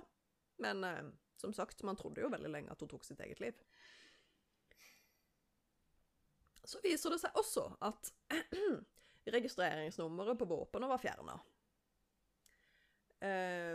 de blir jo, altså disse numrene blir prega inn veldig dypt, sånn at selv om du prøver å file de vekk, så kan man gjerne fortsatt finne ut hva som en gang har stått der. Mm. Med mindre man er profesjonell i våpenfilefeltet og vet hva man gjør. Jeg vil bli profesjonell i våpenfilefeltet. Samme her. Og de som hadde fjerna registreringsnummeret på dette våpenet, var tydeligvis profesjonelle innenfor våpenfilefeltet. Så eh, de Altså, det var ikke noe sjanse for å finne ut Kan jeg bare si at hvor dette våpenet kom fra. ordet våpenfilefeltet er mitt nye favorittord. Jeg er veldig fornøyd med den. Eh, I tillegg sier han at dette med at merkene i klærne eh, var blitt klippa vekk, er stam, noen standard etterretningsgreie. Um, og det at hun forsvant fra hotell over lang tid, forklarer han med at hun antageligvis hadde en sekundær møteplass eller tilholdsplass, som visstnok også er vanlig når man gjør sånn spionoperasjoner, eller hva, hva det heter. Spionoperasjon! Det høres ut som en Um. barnefilm. Eh, og det at døra var låst fra innsida, sier han at det betyr ingenting. Fordi etterretningstjenesten kommer seg inn hvor som helst. Og det at de hadde ikke hatt noe problem med å åpne en dør som var dobbeltlåst fra innsida, uten at, og uten at noen skulle kunne se at de hadde tukla med låsen i ettertid. Som jo er litt skremmende, egentlig. Holy crap. Men så er jo altså, det er jo fortsatt en del litt sånn interessante spørsmål fortsatt. Dette med åssen i helvete sjekka hun inn på hotellet uten ID?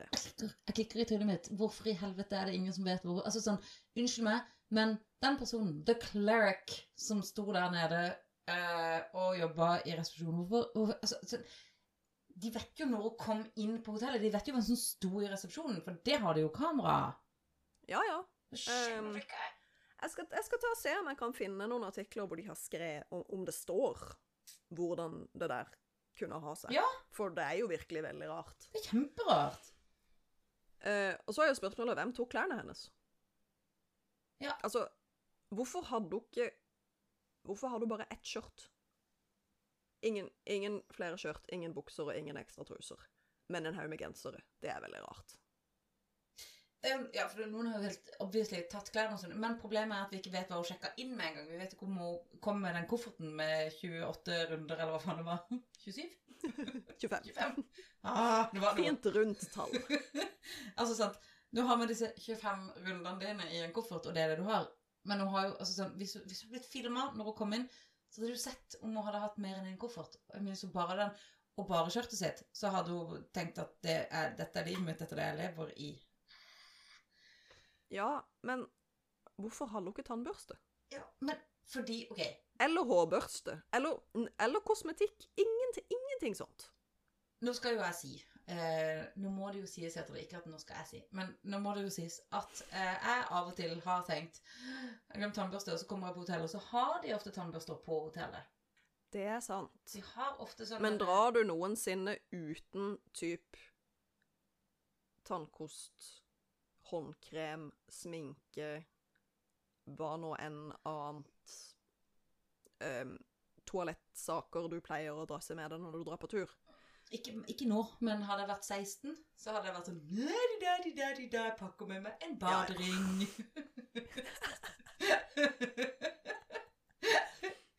Det glemte jeg å si. På hotellrommet fant jeg også en badering. Å, det hadde vært gøy. Jeg vil at det skal være sånn rosa med sånn hestehode på. Det må jo være det, hvis ikke så teller det ikke. Nei. Det er ikke badering hvis ikke det er hestehodet på. Nei. Ehm, ja, så som sagt så ble hun gravd opp i 2016. Um, og DNA-analysen DNA-analysen DNA-lysen, DNA-analysen um, viste at hun var fra Europa. Ehm, de klarte i tillegg å hente en full uh, DNA-profil, som er ganske imponerende etter å det ligger begrava i 20 år. Ja, kudos. Um, Jeg vet ikke hvem det sier kudos til. Kudos til Kudos til DNA-folkene. rettsmedisinerne. You Ja. guys, you guys. Eh, men de fant Altså, de hadde jo ingen å sammenligne DNA mot, så de har jo ikke funnet noen match. Naturligvis. Men de har i hvert fall DNA-profilen hennes. Ja. Um, ei som jobba i desken på hotellet, sa at hun snakka tysk med østtysk aksent. Det er ikke så lett å snakke i dag. Eh, så de antok at hun var derfra, eller i hvert fall hadde bodd der. Um, C14-analyse av tennene viste at hun var antageligvis 24. Um, rettsmedisineren trodde hun var rundt 30 da han obduserte henne. Uh, I innsjekkspapirene hadde hun skrevet at hun var 21, Herregud. men okay. sannsynligvis så var hun rundt 24 år gammel da hun døde. Jeg føler det liksom er sånn Hvis du skal gå etter noe der, så er det sånn Det, det er jo ikke sånn Jeg går jo selvfølgelig ikke etter det hun sier, og hvis han rettsmedisineren sier hun så så så gammel ut, så tenker jeg hm, nei.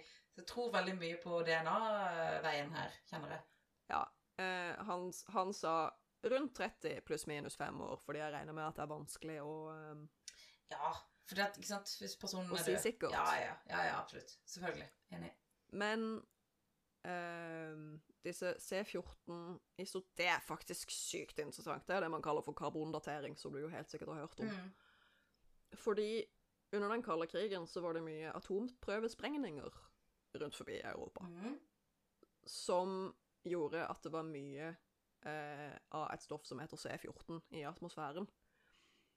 Eh, og du kan da måle hvor mye C14 du har i tennene for å stadfeste når du ble født, ved å sammenligne hvor mye C14 de finner i tennene dine, med hvor mye C14 det var i atmosfæren i de forskjellige årene. Holy fuck, det er sykt! Det er dritkult! Det er så kult, det! Mind fucking Eh. blown med hva vi faktisk tar i oss av uh, bitte, bitte små partikler i verdensrommet. Og alt de kan bruke til å finne ut av ting i ettertid når man er død og har ligget i grava i 20 år. Det er død. Det er, ah, jeg, jeg har så respekt. Jeg har så respekt for det yrket. Jeg må bare si det. Jepp. Yep. Og det, det Det var den saga sagaen. men det er jo ikke Det, er jo Det stopper der. Ja, men det er jo ikke greit at det stopper der. Det må du jo bare innrømme. Nei, altså, vår venn Lars eh, jobber fortsatt med denne saken. Ja. Ehm, og de har en egen sånn tipp-hotline på VG, jennifer.vg.no.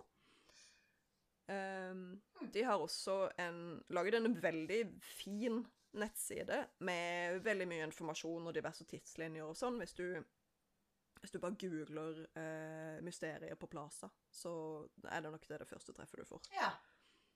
Hvor du kan lese alt om liksom de forskjellige Alle de forskjellige rare tingene, sånn som Det var noe greier med en klokke som jeg De fant ikke ut hva som var greia med klokka, men det var noe greier med en klokke. Og så disse 25 kulene i en koffert, hva faen. Ja. Og sånn og sånn, og liksom forskjellige spor som de har prøvd å gå etter. Kjempeinteressant. Herregud, den saken. I lille Norge. For det er jo det. Men det er akkurat det samme som i Isdalskvinnen for meg. Eh, Samme greia med at jeg tenker sånn Vi, vi bor i bitte, bitte lille Norge, og så er det folk som Det er jo ingenting å Det er jo ingenting å hente her, annet enn hva det er tungt vann. Det er jo litt det, er jo litt det da. Jeg har jo skjønt det nå. Jeg har skjønt at det fins noe olje og noe greier. og flere ting. Ja, men det altså Liksom, eh, Isdalskvinnen, det var jo under den kalde krigen, så da kan man jo tenke ja, hm, ja det var kanskje liksom Kanskje hun var spion for Sovjet eller ja, Tyskland eller whatever. ja. For det var litt eh, sånn KGB. Hello. Ja. Jeg vet at jeg har arbeidet i KGB. Ja, det var Kaisers eh, trommer. Unnskyld. Men denne Ja, men altså, det kan Det kan jo være seriøst hva som helst. Jeg syns jo hele etterretningskonseptet er jævlig skummelt. Det er De driver med så sykt mye shit som bare ingen vet om. Tenk å bare ikke snakke om det på den måten. Å vite, å ha informasjon om bitte lille Norge på den måten. Nei, det er kjempeskummelt. Det er kjempe, kjempe, kjempeskummelt. Jeg tror ikke det hadde vært jobben for meg, for å si det sånn. Jeg hadde jo sladra som ei sladrekjerring. Sånn, Etter fire øl på Charlies bare Øy, Maria, Å, Maria, hva forteller fortelle deg noe. det er så jævlig sant. Jeg har en hemmelighet. Med det, vi kan aldri, aldri noensinne jobbe i noen slags etterretningstjeneste. Med mindre, det, med mindre vi jobber i team, så kan vi fortelle Ja. hemmeligheter. Oh, det er et veldig godt poeng. Så eh, staten, hello. Ingen, ingen hadde jo mistenkt oss, altså alvorlig talt. Alvorlig talt. Alle hadde vært sånn Orama. Det er lett at Ja. det, det var iallfall ikke de. Hvis den skal beskylde noen for noe, så var det iallfall ikke Sara Maria. Yes! Eh, det her var litt sånn kjapp jogging gjennom denne historien. Ehm, for altså I og med at de så fort hoppa til konklusjonen at hun hadde tatt livet av seg selv, så ble det jo egentlig ikke noen ordentlig etterforskning før, uh, før veldig lenge etter. Hvis de Hadde de på en måte sett litt nøyere, så hadde man jo sikkert hatt veldig mye mer å si om denne saken. Sånn som altså I Statskvinnen så er det jo masse informasjon, Mm. men det var jo veldig tydelig Eller, det var jo noen som teoretiserte at hun også hadde tatt livet av seg selv, men der var det jo litt mer tvil i og med at hun hadde blitt helt bensin på, og så Ja. satt fyr på. Ja. Så ja, hvis noen har noe intel på denne historien, altså Jeg klikker. Det er sykt gøy. Det er kanskje en av de gøyeste historiene. Jeg må innrømme det. Jeg må innrømme det. Herregud, så gøy. Sånn. Bortsett fra at det var en dame som ble drept. Det er Ja, nei, det er aldri gøy. Det er aldri gøy at noen dør. Men, Men- men, historien Det- som kommer ut av det Altså sånn Ja, nei. Åh, det er kjempeskummelt. Og jeg bare håper en gang at vi finner ut De kommer jo aldri til å finne ut hvem hun var. De gjør jo ikke det. Hvis ikke de har funnet det ut til nå, så tror jeg faktisk det er nesten umulig. Eh, Men det er lov å, det er lov å håpe. Lov Men ja, det hadde vært morsomt å få et svar. takk for historien, Sara. Men Men jeg har jo en temalåt. Det har jo vært veldig lite hardingfele i dødsfele og hardingfele, så jeg tenkte jeg skulle gjøre noe med det i dag. det er et jævlig godt poeng. Ja, så min temalåt for uh, i dag er uh, Hovedstaden med Valkyrian Allstars. Valkyrian. Jeg skal også bare nevne at uh, når vi var i Finnskogen, så hadde vi Alexander Rybak. Sånn at Det hadde vi. Da hadde vi også Så har vi hatt litt fele med der. Nå holder jeg på å tisse på meg, så nå klarer jeg nesten ikke å sitte normalt. Den Men er grei. Gå og tiss. Valkyrian Allstars. I love you forever. Nå går jeg og tisser. Ha det. det! Ses snart. Hei, Sara. Hei, Maria. Da var vi tilbake. I dag er vi tilbake. Så det som skjedde, var at um, når vi skulle spille inn min episode, eller min, min del av podden forrige gang, så fant, jeg hadde jeg funnet en historie og tenkte sånn Å, den er sikkert fin. Og så hadde jeg med meg Fredrik. Eh, men det var en møkkahistorie. Ja, det var det. Eh, Så jeg har jo lært at eh, jeg må lese litt nøye gjennom ting før jeg kan si at jeg har en historie. Så jeg angrer bittert på det. Men det var gøy å ha med Fredrik, da. Så synd for dere som ikke fikk hørt det. Nei da, da skal få lov til å høre på Fredrik en annen gang. Men eh, eh, Ja, nei, og så skulle vi egentlig spille inn i går for å ta opp eh, For å ta liksom det resterende, men da sovna jeg når jeg la min sønn. Og sov til i dag. Bare sånn. Jeg var ute, og jeg har vært litt sånn Jeg sendte melding til jobb og bare 'Jeg kommer ikke på jobb i dag, for jeg er syk'. Jeg, jeg følte meg jo ikke helt fresh når jeg våkna uansett, men så har jeg liksom hatt en sånn rolig dag hvor jeg bare fått lov til å rydde. Og det var litt deilig. Det er sykt digg. Jeg har ikke rydda de siste fem ukene, tror jeg. Etter at jeg har jobba så mye som jeg har. så ja. Så da fikk jeg gjort det, pluss at jeg fikk liksom var helt sånn sikker på historien min og alt sammen. Så da Da, kjære lyttere, kjære alle, vi skal til Bærum. Er Bærum! Min gang til Bærum. Eh, og vi skal til et sted i Bærum, som, eh, et, en plass som eh, heter Bærums Verk. Ja! Og dette er ifølge internettet eh, en av de mest hjemsøkte plassene i Norge. De sier det om veldig mange steder. Ja, de gjør det. det er liksom, men det er Akershus, Nidarosdomen, Bærums Verk, eh, Dale. Og så er det to-tre steder til som liksom er sånn what? Lier. Ja, Lier, selvfølgelig. Men eh, Bærums Verk, da, er et eh, sted i Bærum kommune i nåværende Viken fylke, men i god gamle Akershus fylke før.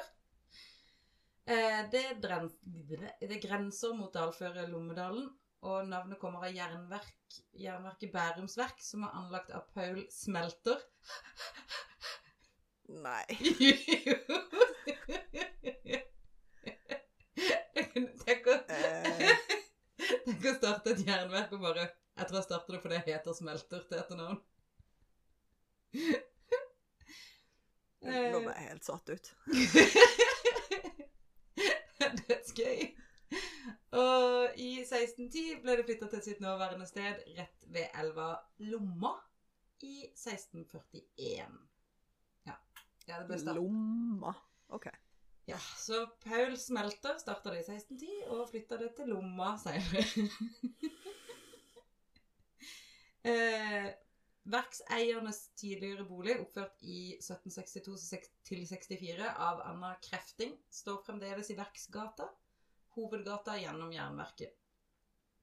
I de eldre industribygningene så finnes det et museum som forteller om verkets historie, og viser jernovner produsert på Jernverket fra 1700-tallet til 1700 Jernstøperiet jernstøperi ble nedlagt i 1964. I de tidligere. Ja, det har jo vært vedvart for evig. Så, men jeg føler liksom Bærums verk er sånn noe jeg har hørt før.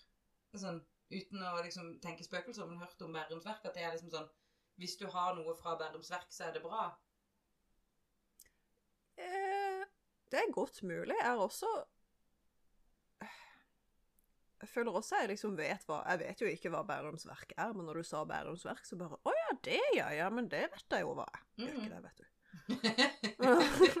Jeg har tydeligvis hørt om det, da. ja, samme her. Det er godt at det er akkurat samme måte som jeg må gå gjennom ting. Og jeg bare sånn, det ja, ja, det er så Nei, jeg har ikke, ikke. Det er et ord jeg har hørt én gang. Ja. Ok. Eh, skal vi se. Eh, I de tidligere arbeiderboligene i Verksgata er det små verksteder og butikker med salg av bl.a. kunsthåndverk. Så hvis vi skal dra noe sted, Sara, så syns jeg vi skal dra til Bærums Verk. Det hørtes sykt koselig ut. Det hørtes dritkoselig ut. Tenk hvis vi kan dra det liksom mot vinter, mot jul og sånn. Tenk hvor fint det er i den gata der, da. Jeg ser for meg at det er sånn som det er i, eh, på Vest-Agder-museet her i Kristiansand. Jeg ser for meg litt sånn Skomakergata Ja! akkurat nå. Riktig! Skomakergata. Det føler jeg jo det. Og det bildet jeg ser på, er veldig sånn Det ser veldig koselig ut. Um, så har du eh, Skal vi se I 1970-årene og 80-årene var det en utstrakt boligbygning på Bærums Verk. Det ble bygget i utkanten av selve verket på området Helset, Toppenhaug, Sleiverud og Bommerud. Jeg vil prate østlandsk i denne Nei, jeg skal ikke det. Sleiverud. Slei, ja. Sleiverud og. Gommerud. Altså. Bommerud. Nei, gom, gomme med G. Gommerud. Åh, go Nei, den har jeg ikke hørt. Gom... Gom... Gommerud! Bærum, hva faen skjedde? uh, ok, ja, OK. ja. Eh, det ble vesentlig oppført selveide eneboliger. På selve verksområdet ble de gamle arbeiderboligene i Verksgata renovert for utleie til små håndverksbedrifter og kunstindustri. Jernverket ble utbygd til et kjøpesenter i 1997. Så det er kjøpesenter der. Hæ? Ja. Og jeg bare sånn, vi er nødt til, vi er nødt til å dra dit. For altså, Bærumsverket er jo sted, og så skal vi, jeg skal lese litt om liksom, selve Bærumsverket etterpå. Mm. Eh, men iallfall Jernverket det ble bygd ut som kjøpesenter. Alt i alt er det et åttetall er det et i de gamle bygningene. Bærums Verk er kjent for sin årlige tenning av juletreet på plassen utenfor kjøpesenteret. Oh. Så litt gøy. Eh, det står en liste kjente personer fra Bærums Verk. Eh, så er det sånn masse random folk, men så er Lars Berrum derfra. Og det syns jeg er koselig, for han har jo jeg snakka masse med når jeg jobba på, um, på Charlies og sånn, når han sto standup der. Lars Berrum er kul. Så hei, Lars Berrum. Åh! Jeg har aldri hørt om han. Han er dritkul, så hvis du Altså, han er Jeg syns standupen hans er kjempemorsom. Um, Mm. Og så er han en fet fyr. En hyggelig fyr å henge Cool. med. Um, så skal vi gå inn til Vertshuset Bærums Verk. Uh, som er da en del av disse bygningene som ligger på Bærums verk, men dette er da et vertshus. Eh, det ble oppført i ca. 1640, og var det som den gang het Bærums jernverk i Bærum. Da. Mm, Vertshuset er et solid tømmerhus som har vært et samlingssted for jernsfolket og langveisfarende bønder og handelsmenn gjennom århundrer. Det ligger sentralt på Bærums eh, verk, rett ved Lomma, og den bergenske kongevei over Krokskogen mellom Bærum og Ringerike. Bergenske kongevei. Den bergenske kongevei. Oi, veien, veien er også kjent som Eventyrveien over Krokskogen. Å, Koselig navn! Hallo! Ja! Eh, Kongevei ble den i 1826, da, den, da veien over Krokskogen offisielt tok over etter den bergenske kongevei. Hæ. Ok, Hvis noen der ute vet hva den bergenske kongevei er, hit us up. Hit us up, we have no clue, men det hørtes veldig vakkert ut. Hørtes veldig fancy ut. Eh, vertshuset hadde også en funksjon for de vanskeligstilte i lokalsamfunnet. Eh, avgiften fra brennevinsalget gikk ikke til kongen, men til verkets fattigkasse. Oi! Aha. Eh, etter 1890 ble lokalene brukt som bolig for verkstedsbefolkningen, eh, og senere ble bygningen fredet av Riksantikvariaten etter lov om bygningsvern. Og i 1987 ble den totalrestaurert og gjenåpnet som serveringssted. Så det er da Bærums verk. Um, jeg syns det høres så fint ut der. Det er Hvis Jeg syns det høres ut som Julie Skomakergata akkurat nå. Jeg er helt enig. Jeg ser for meg liksom at skomaker Andersen står der og sier hei, hei. Er det Ja, som kommer? Ja, ja. Ehm, right. Og så er det Bærums Verk hovedgård som jeg skal lese litt om. Det er det herskapelige gårdsanlegget som fra 1848 har vært et bosted for eierne av Bærums Verk i Bærum. Jernverket har vært eid av bl.a. familiene Krefting, Anker, Jarlsberg eh, og Løvenskiold. Da var de der i Jarlsbergen igjen. Jarlsberg, altså. Og jeg føler Anker også har vi vært innom. Anker har Ja, var det ikke en anker som eide tomta der som Akershus festning ble Jo, var det ikke det? bygd? Nei, eller var det Aker? Det var kanskje Aker, det. Ehm, hovedbygningen som, som man ser ut nå, er et murhus som ble kalt Slottet. Og det ble oppført i 1848 for baron Harald Wedel Jarlsberg. Etter tegninger av arkitekt Johan Henrik Nebelong. Altså Nebel, Nebelung. Nebelung. Nebelung. Du vet ikke hva du kaller liksom kiden din når du har etternavnet Altså når du heter Harald Wedel Jarlsberg, så jeg, jeg, jeg føler liksom Du bare du er nødt til å eie livet, da. Du kan ikke bli noe annet enn baron når du heter Wedel. Jarlsberg. Du kan ikke det. Det, det går ikke. Den har siden vært bolig for bedriftseiere til interesses- interessentskapet og senere aksjeselskapet Bærum Verk, og i dag bor Karl Otto Løvenskiold her. Løvenskiold er et også Jeg vet ikke om de er fancy folk, men det er et veldig fancy navn. Ja, altså det er noe med det når du heter dette etternavn, så tenker jeg sånn Ja, OK. Ja, men der så. Da, da eier du alt i verden, Du tenker jeg. ble jo født med sølvskje i munnen, du. Du gjorde det. Er det sølvskje? Ikke Ja. Er det er sølvskje. Sølvskje. Er det ikke sø Jeg tror det er sølvskje. er. Det som Sølvskje. Sølvskje. Em, vi begynner altså med første spøkelseshistorie. Ja. Ja. Så, første, eh, første historie jeg har funnet, er fra HA, eller Ha-bloggen. Ha-ha-bloggen. Jeg har også eh, Jeg kan ikke huske hva det var jeg leste om på HA-bloggen, men jeg trodde det var Hells Angels. Så jeg bare Hvorfor skriver de om spøkelser? Eh, oh, HA. Hells var, ikke, var ikke det, da Det var ikke det. Eh, ja, Methio. Da begynner vi nå.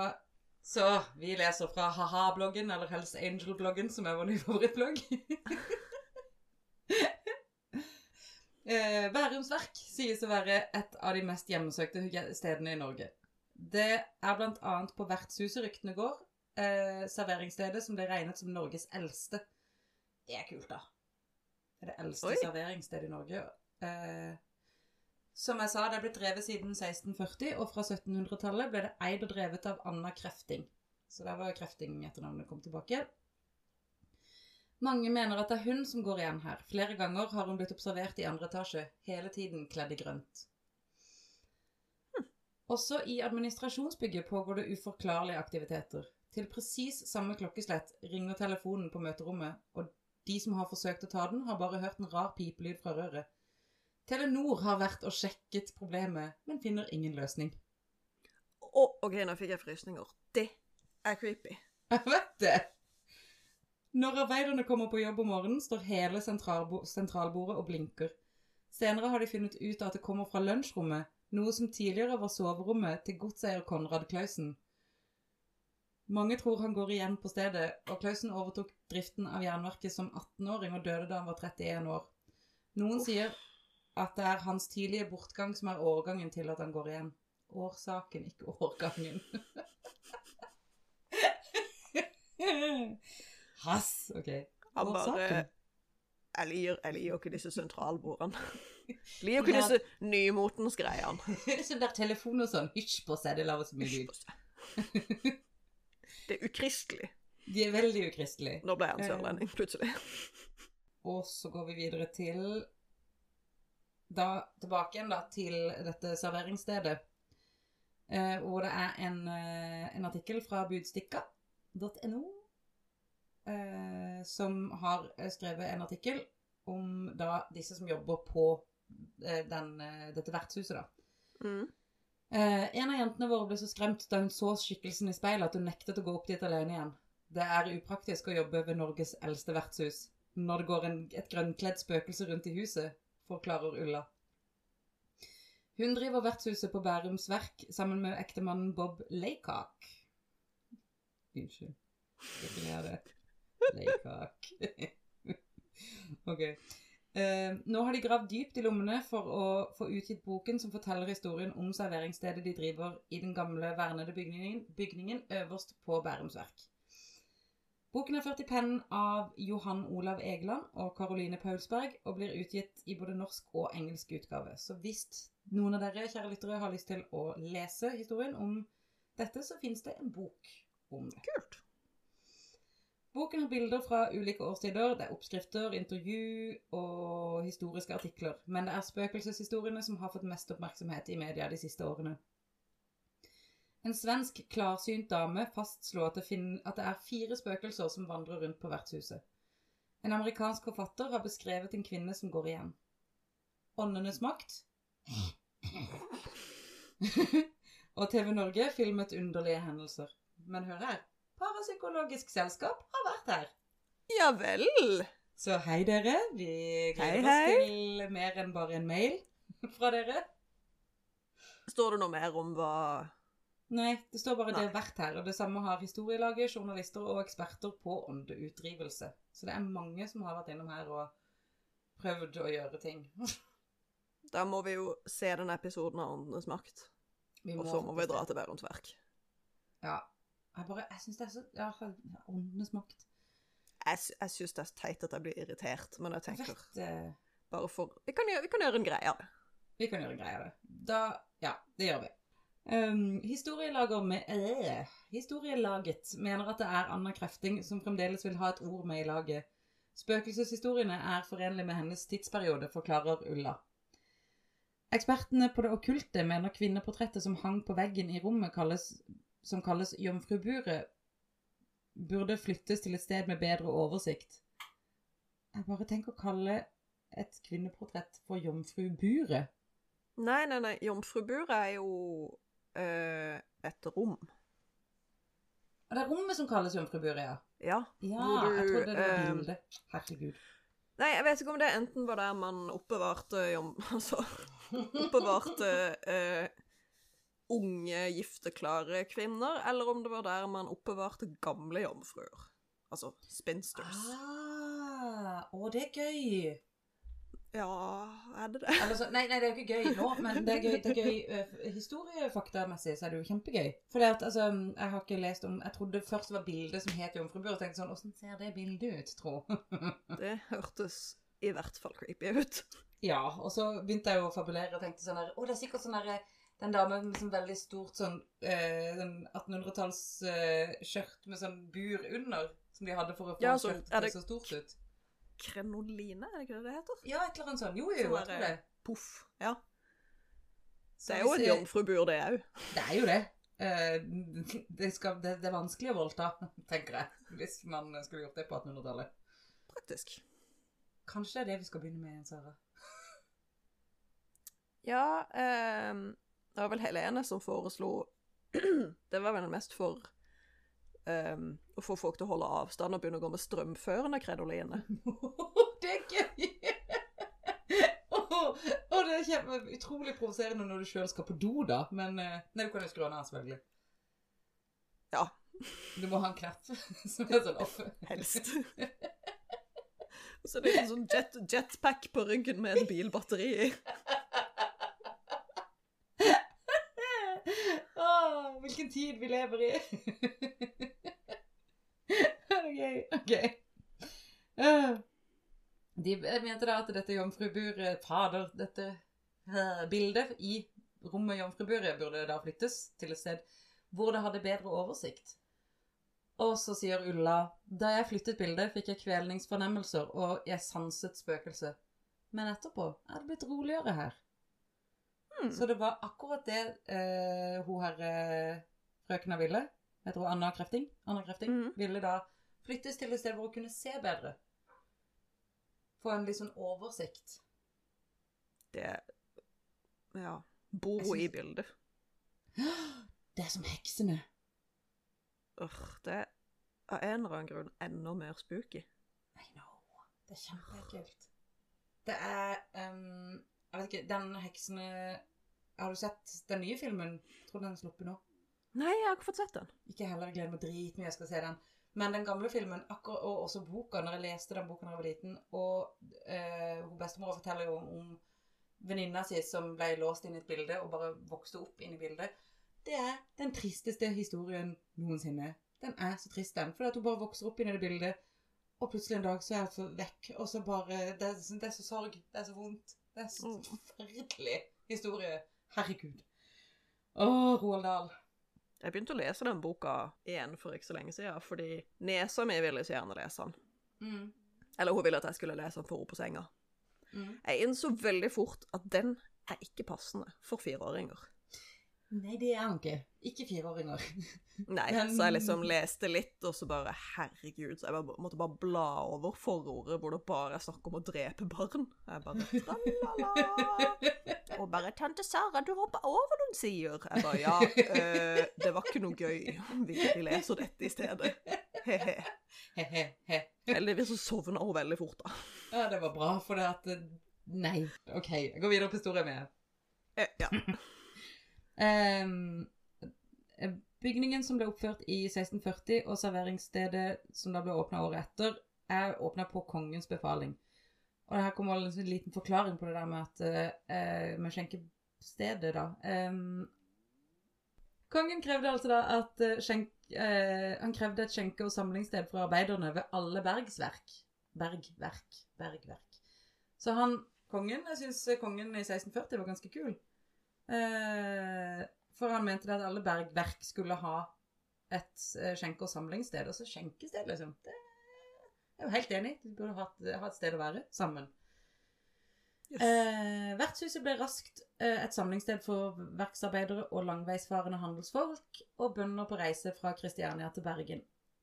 Det sitter mye i veggene her eh, som det er viktig å ta vare på, sier forfatter Caroline Paulsberg. Jeg har mer enn nok med å observere vesener som faktisk vandrer i og lever i vår tid, men spøkelseshistorier er like fullt interessante. De peker på markante historiske personligheter det ofte er verdt å vite mer om. Dessuten er folketro nyttig for, for å forstå en tidsepoke, sier medforfatter Egeland. Han viser til at beretningen om Bærums verk er full av store hendelser og dramatikk knyttet til kraftfulle personligheter, ikke minst kvinner.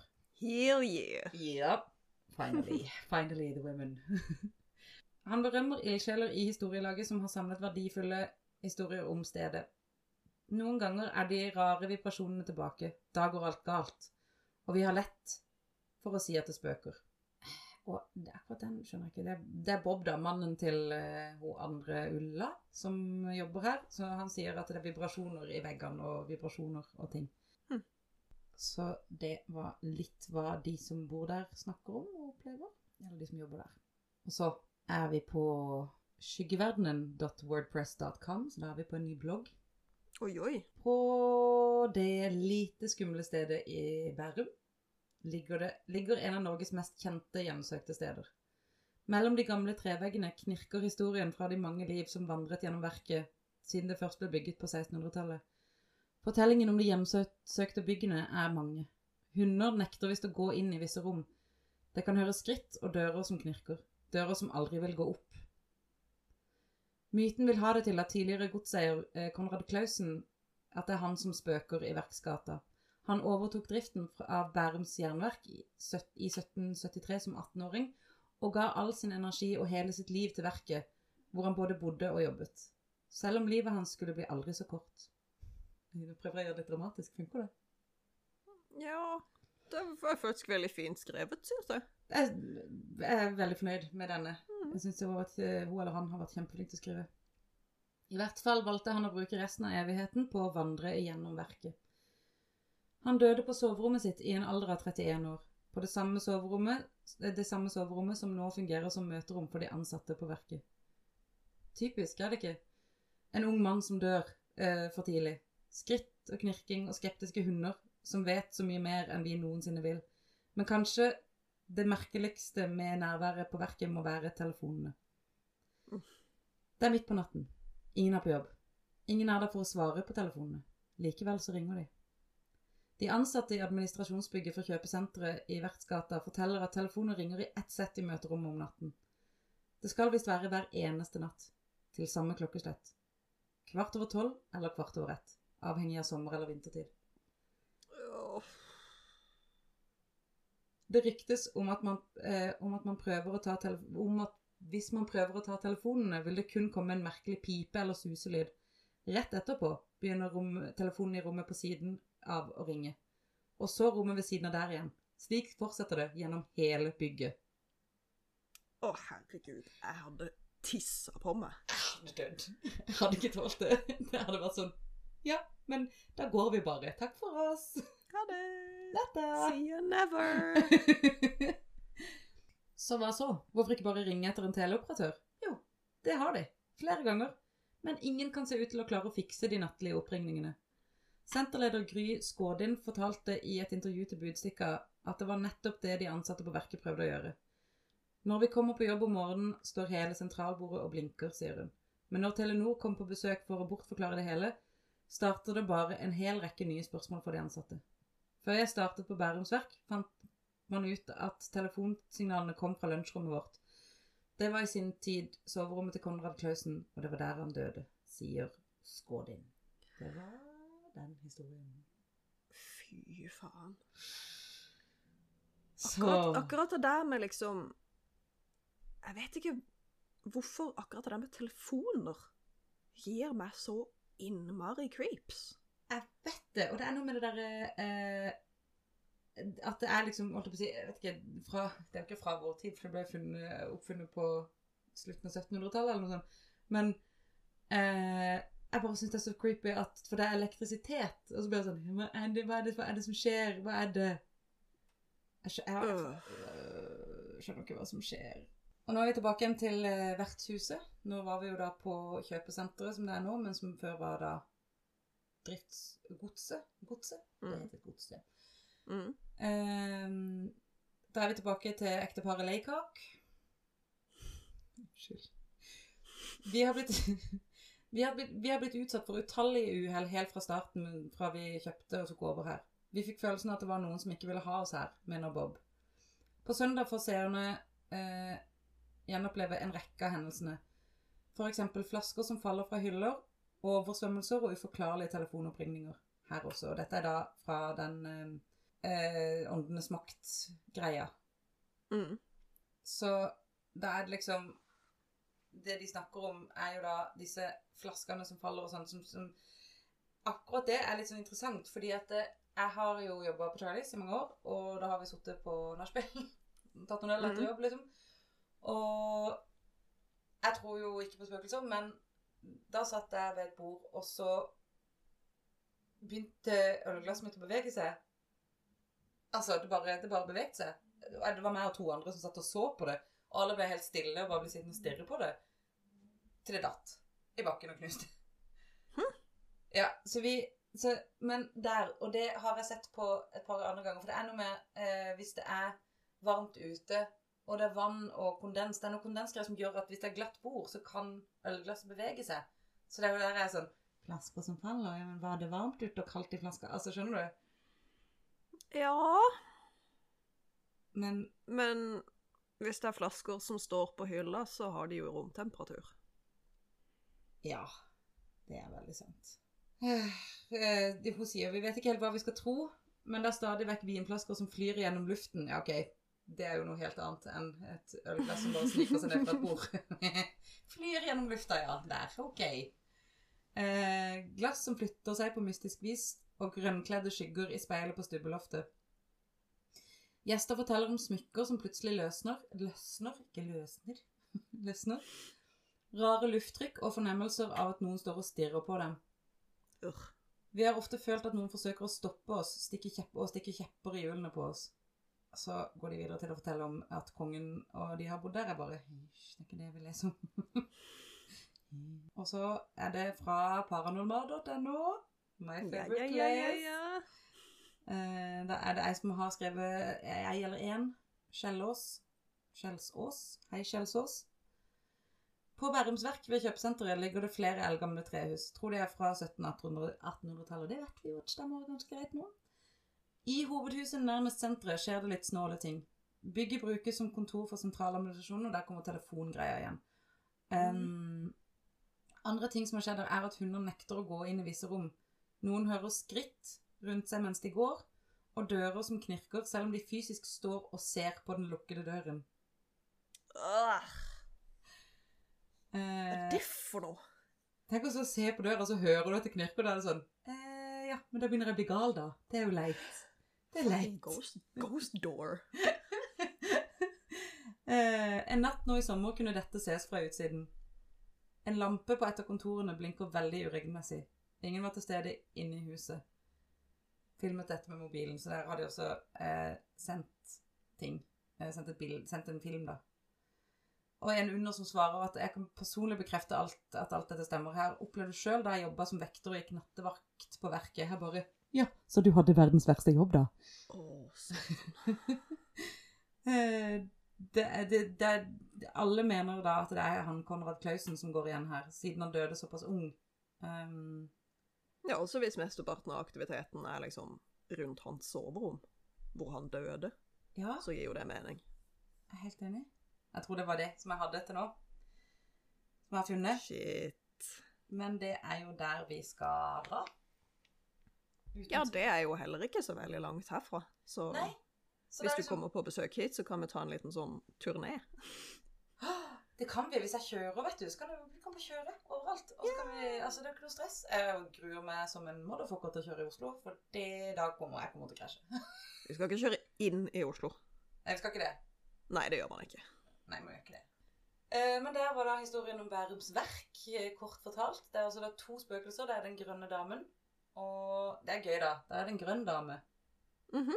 Og så har vi eh, For det er veldig mange blå damer rundt omkring, men her er det altså en grønn dame. Så er det ikke en grå dame på um... Åh, den der plassen utenfor Skien? Der er det en grå Stemmer det? Der er det en grå dame. Hmm. Men jeg lurer litt på, altså, hun Anna Krefting, man skulle jo tro at hun selv i etterlivet var interessert i at vertshuset skulle bli drevet videre. Ja, men det var sikkert Så det er hun veldig rart. Hm? Jeg tror jo at det er fordi at hun um, sånn, som det, sånn som de sa da, at når de flytta bildet sitt, så Mm. ble det roligere. Det er jo fordi at hun har følt at hun ikke har hatt kontroll. Hilsen den som har jobbet som servitør og vært sjef og tenkt 'Jeg må ha kontroll'. Det er et godt poeng. Jeg tror iallfall det. Så jeg hadde også, hvis, hvis noen av det, og særlig eh, jo lenger man har vært i en bransje, og folk, unge folk kommer inn og skal endre det, så blir man jo litt sånn Ja, men da fucker da. Slutt nå. Slutt å være så nyskapende. Kaste denne vinflaska tvers over rommet. Ja, altså Hvor skal vi neste gang, da? Neste gang skal vi eh, Tror jeg vi skal til Østfold. Å, jeg skal til Østfold. Jeg kan Jeg dobbeltsjekke. må jo også Jeg har jo glemt å eh, si hvilken sang jeg vil ha. Og så tenkte jeg på for forrige gang så snakka vi om det at eh, vi må jo ha Eller forrige gang, det var vel nå nettopp eh, når du leste inn din, var det ikke det? Med at vi må ha hardingfele-tema.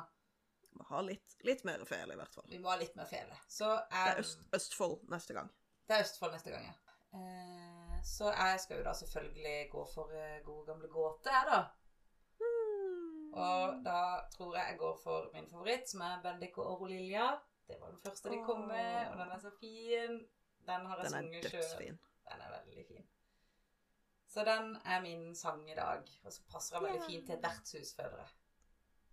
Ja. Nå skal jeg være sånn ekkel bedreviter. Det er ikke hardingfele i den låta. Det er det ikke. Det er fele. vanlig fele. Ja, men okay, Men det er ikke til- så farlig. Jeg kommer til å ha, eh, så lenge det er feletemaer i eh, Jeg er ikke så nøye at det er hardingfele, for min Nei. del. Det er greit. Eh, men det er helt topp, Sara, at du er en ekkel bedreviter. For dette er egentlig ikke ekkelt. Det er egentlig bare veldig sjarmerende. Ja. Særlig når det er deg. så da, kjære Sara, fikk vi eh, endelig dekka riktig plass Nei, jeg lover at jeg skal dekke riktig plass neste gang. Ja. Vi fikk eh, for øvrig en veldig hyggelig melding fra Lizzie på Instagram. Okay. Hun syns at vi er gøye, og hun lo veldig av at du hadde bomma på Oslo og Akershus. Syntes det var veldig morsomt. Så det er jo bra at noen syns at vi er gøy. Hei, Lizzie. Hei, Lizzie. Takk for at du syns at det er gøy. Jeg syns for øvrig at det er ganske blåst i huet av og til, men ja ja. Det er jo det som gjør at det skulle er gøy.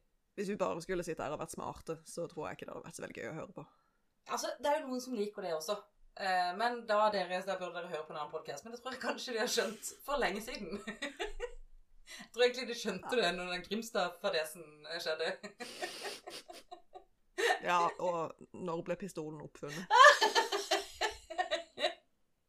Og vi er så dumme, det er så gøy. Akkurat det med pistolen holder jeg fortsatt fast på at det er sånn Hvis ikke det er noe du tenker på til daglig, og det er det ikke, Nei, seriøst. så er ikke det sånn innlysende. Nei. Det er ikke innlysende. Det er faktisk ikke det. For som du sier, det er ikke sånn at jeg går rundt hver dag og tenker Hm, når skjedde det? Når ble sånne ting eh, Når ble, når ble båten oppfunnet? Altså, det, jeg tenker ikke på sånne ting. Nå, utrolig dårlig eksempel, men du skjønner hva jeg mener. Det regner jeg med at man ikke vet. Ja, for det har vi jo alltid hatt. Ja. Eller sånn, Vi har hatt det siden vi begynte å vandre, være mer enn bare hunter-gatherer-greia. Det er vel kanskje sånn et eller annet typ det tidligste funnet av en båt man har gjort fra en eller annen alder langt tilbake. Ja. Det er spennende. Kan vi finne ut av til neste gang? Hanne, hvis du hører på, gidder du å sende oss en melding på når den første båten ble funnet? Gammel er båten. Hvor gammel er båten? Hvor gammel er egentlig den båten? Gå i båten. Gå Å, det er gøy! Ja, så da eh, konkluderer vi denne, denne podcast-timen, halvannen timen eller hva enn det blir, eh, med takk for oss, kanskje. Ja. Og hvis du har noen gøye historiefakta, noen fun facts om, eh, om noe som du vil at vi skal ta med i podcasten, så bare send oss melding, så skal vi eh, ta det med. Helt seriøst. Og så ehm, I og med at det er litt knot med social distancing etc., etc., hvis det er noen som har historier de vil ha med, så går det jo enten an å dra på sånn intervjubesøk, Det gjør det. sånn som jeg gjorde i episode to. Mhm. Eller, at, eller hvis det er noen som vil ha på å si, fortelle historien sin, så kan de jo også bare sende den til oss. Det kan de. Vi kan lese den høyt.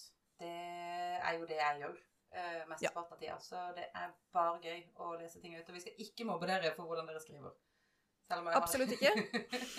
jeg bare kom på det nå at Jeg hadde kanskje ikke skrevet ting inn til meg, for jeg er jo litt kritisk. Men jeg er jo egentlig ikke kritisk. Det er jo bare fordi at jeg ikke klarer å lese. Så hvis noen sender en historie, så skal jeg lese den fem ganger først, og så skal jeg lese den høyt. Eller bare ta på deg brillene, kanskje. Eventuelt ta på brillene. ja. Men ja, siden vi er midt oppi en pandemi, så er liksom hele studiosituasjonen litt sånn uggen. Litt uggen. Vi holder avstand så godt vi kan. Og det er jo derfor vi er så glad for at vi har funnet ut at eh, dette, eh, vårt virtuelle studio, funker for oss. Så eventuelt eh, jeg, har jo, jeg har jo en gøy jobb på kulturskolen, så jeg kan jo faktisk se om jeg har Eller om Vegard kan låne meg en ekstra sånn mikk. Så kan jeg eventuelt få med noen inn som kan sitte to meter unna. Ja, det er gøy. Det hadde vært kjempegøy. Det kan jeg se om jeg får til. Send oss en melding eller en mail eller en ja, en slags digital eh, post. Digitalt. post gjerne sende oss et skriftlig brev også. Ja. Eller tresnitt. Oh, eller sånn- Steintavle. Steintavle. Eh, røyksignaler. ah, brevdue. Jeg ønsker meg brevdue. Gjerne brev, du. Eh, ja. Nei uh... Skjedde nå? Begynner nesten å grine. Hva skjedde nå? Så uh, dere som hører på, nå datt lampa som er skrudd fast i bordet, ned fra bordet. Å nei, den lampa er løs. Er løs? Lampa henger ikke fast i den der skrudingsen. Sist jeg var hos dere, så skulle jeg justere på han, og så klarte jeg bare å dra hele dritten løs. Så. Nå ble jeg litt redd. Så skal jeg bare sjekke at ingenting ble fucka. Bare vent litt. To sekunder. To sekunder. Ja. OK, så det er mulig at uh, Opsi. Nå går alt til helvete. OK. Men den må jo Men den, den må jo løftes opp for at For å få den løs, må ikke det? Den lampa? Ja. I don't know. Dette er mystisk. Ja. eh, jeg fikk ikke sjekka sånn. Jeg var litt mer interessert i å se at det fremdeles spilte inn, men det ser sånn ut. Nå lener jeg meg Ja, ja, ja. ja. Det, den spiller fremdeles inn, men det kan være at akkurat når den lampa datt, så eh, ble det kanskje noe fuck på eh, vokalen min, men eh, vi får bare se. Eh, men uansett, sykt skummelt.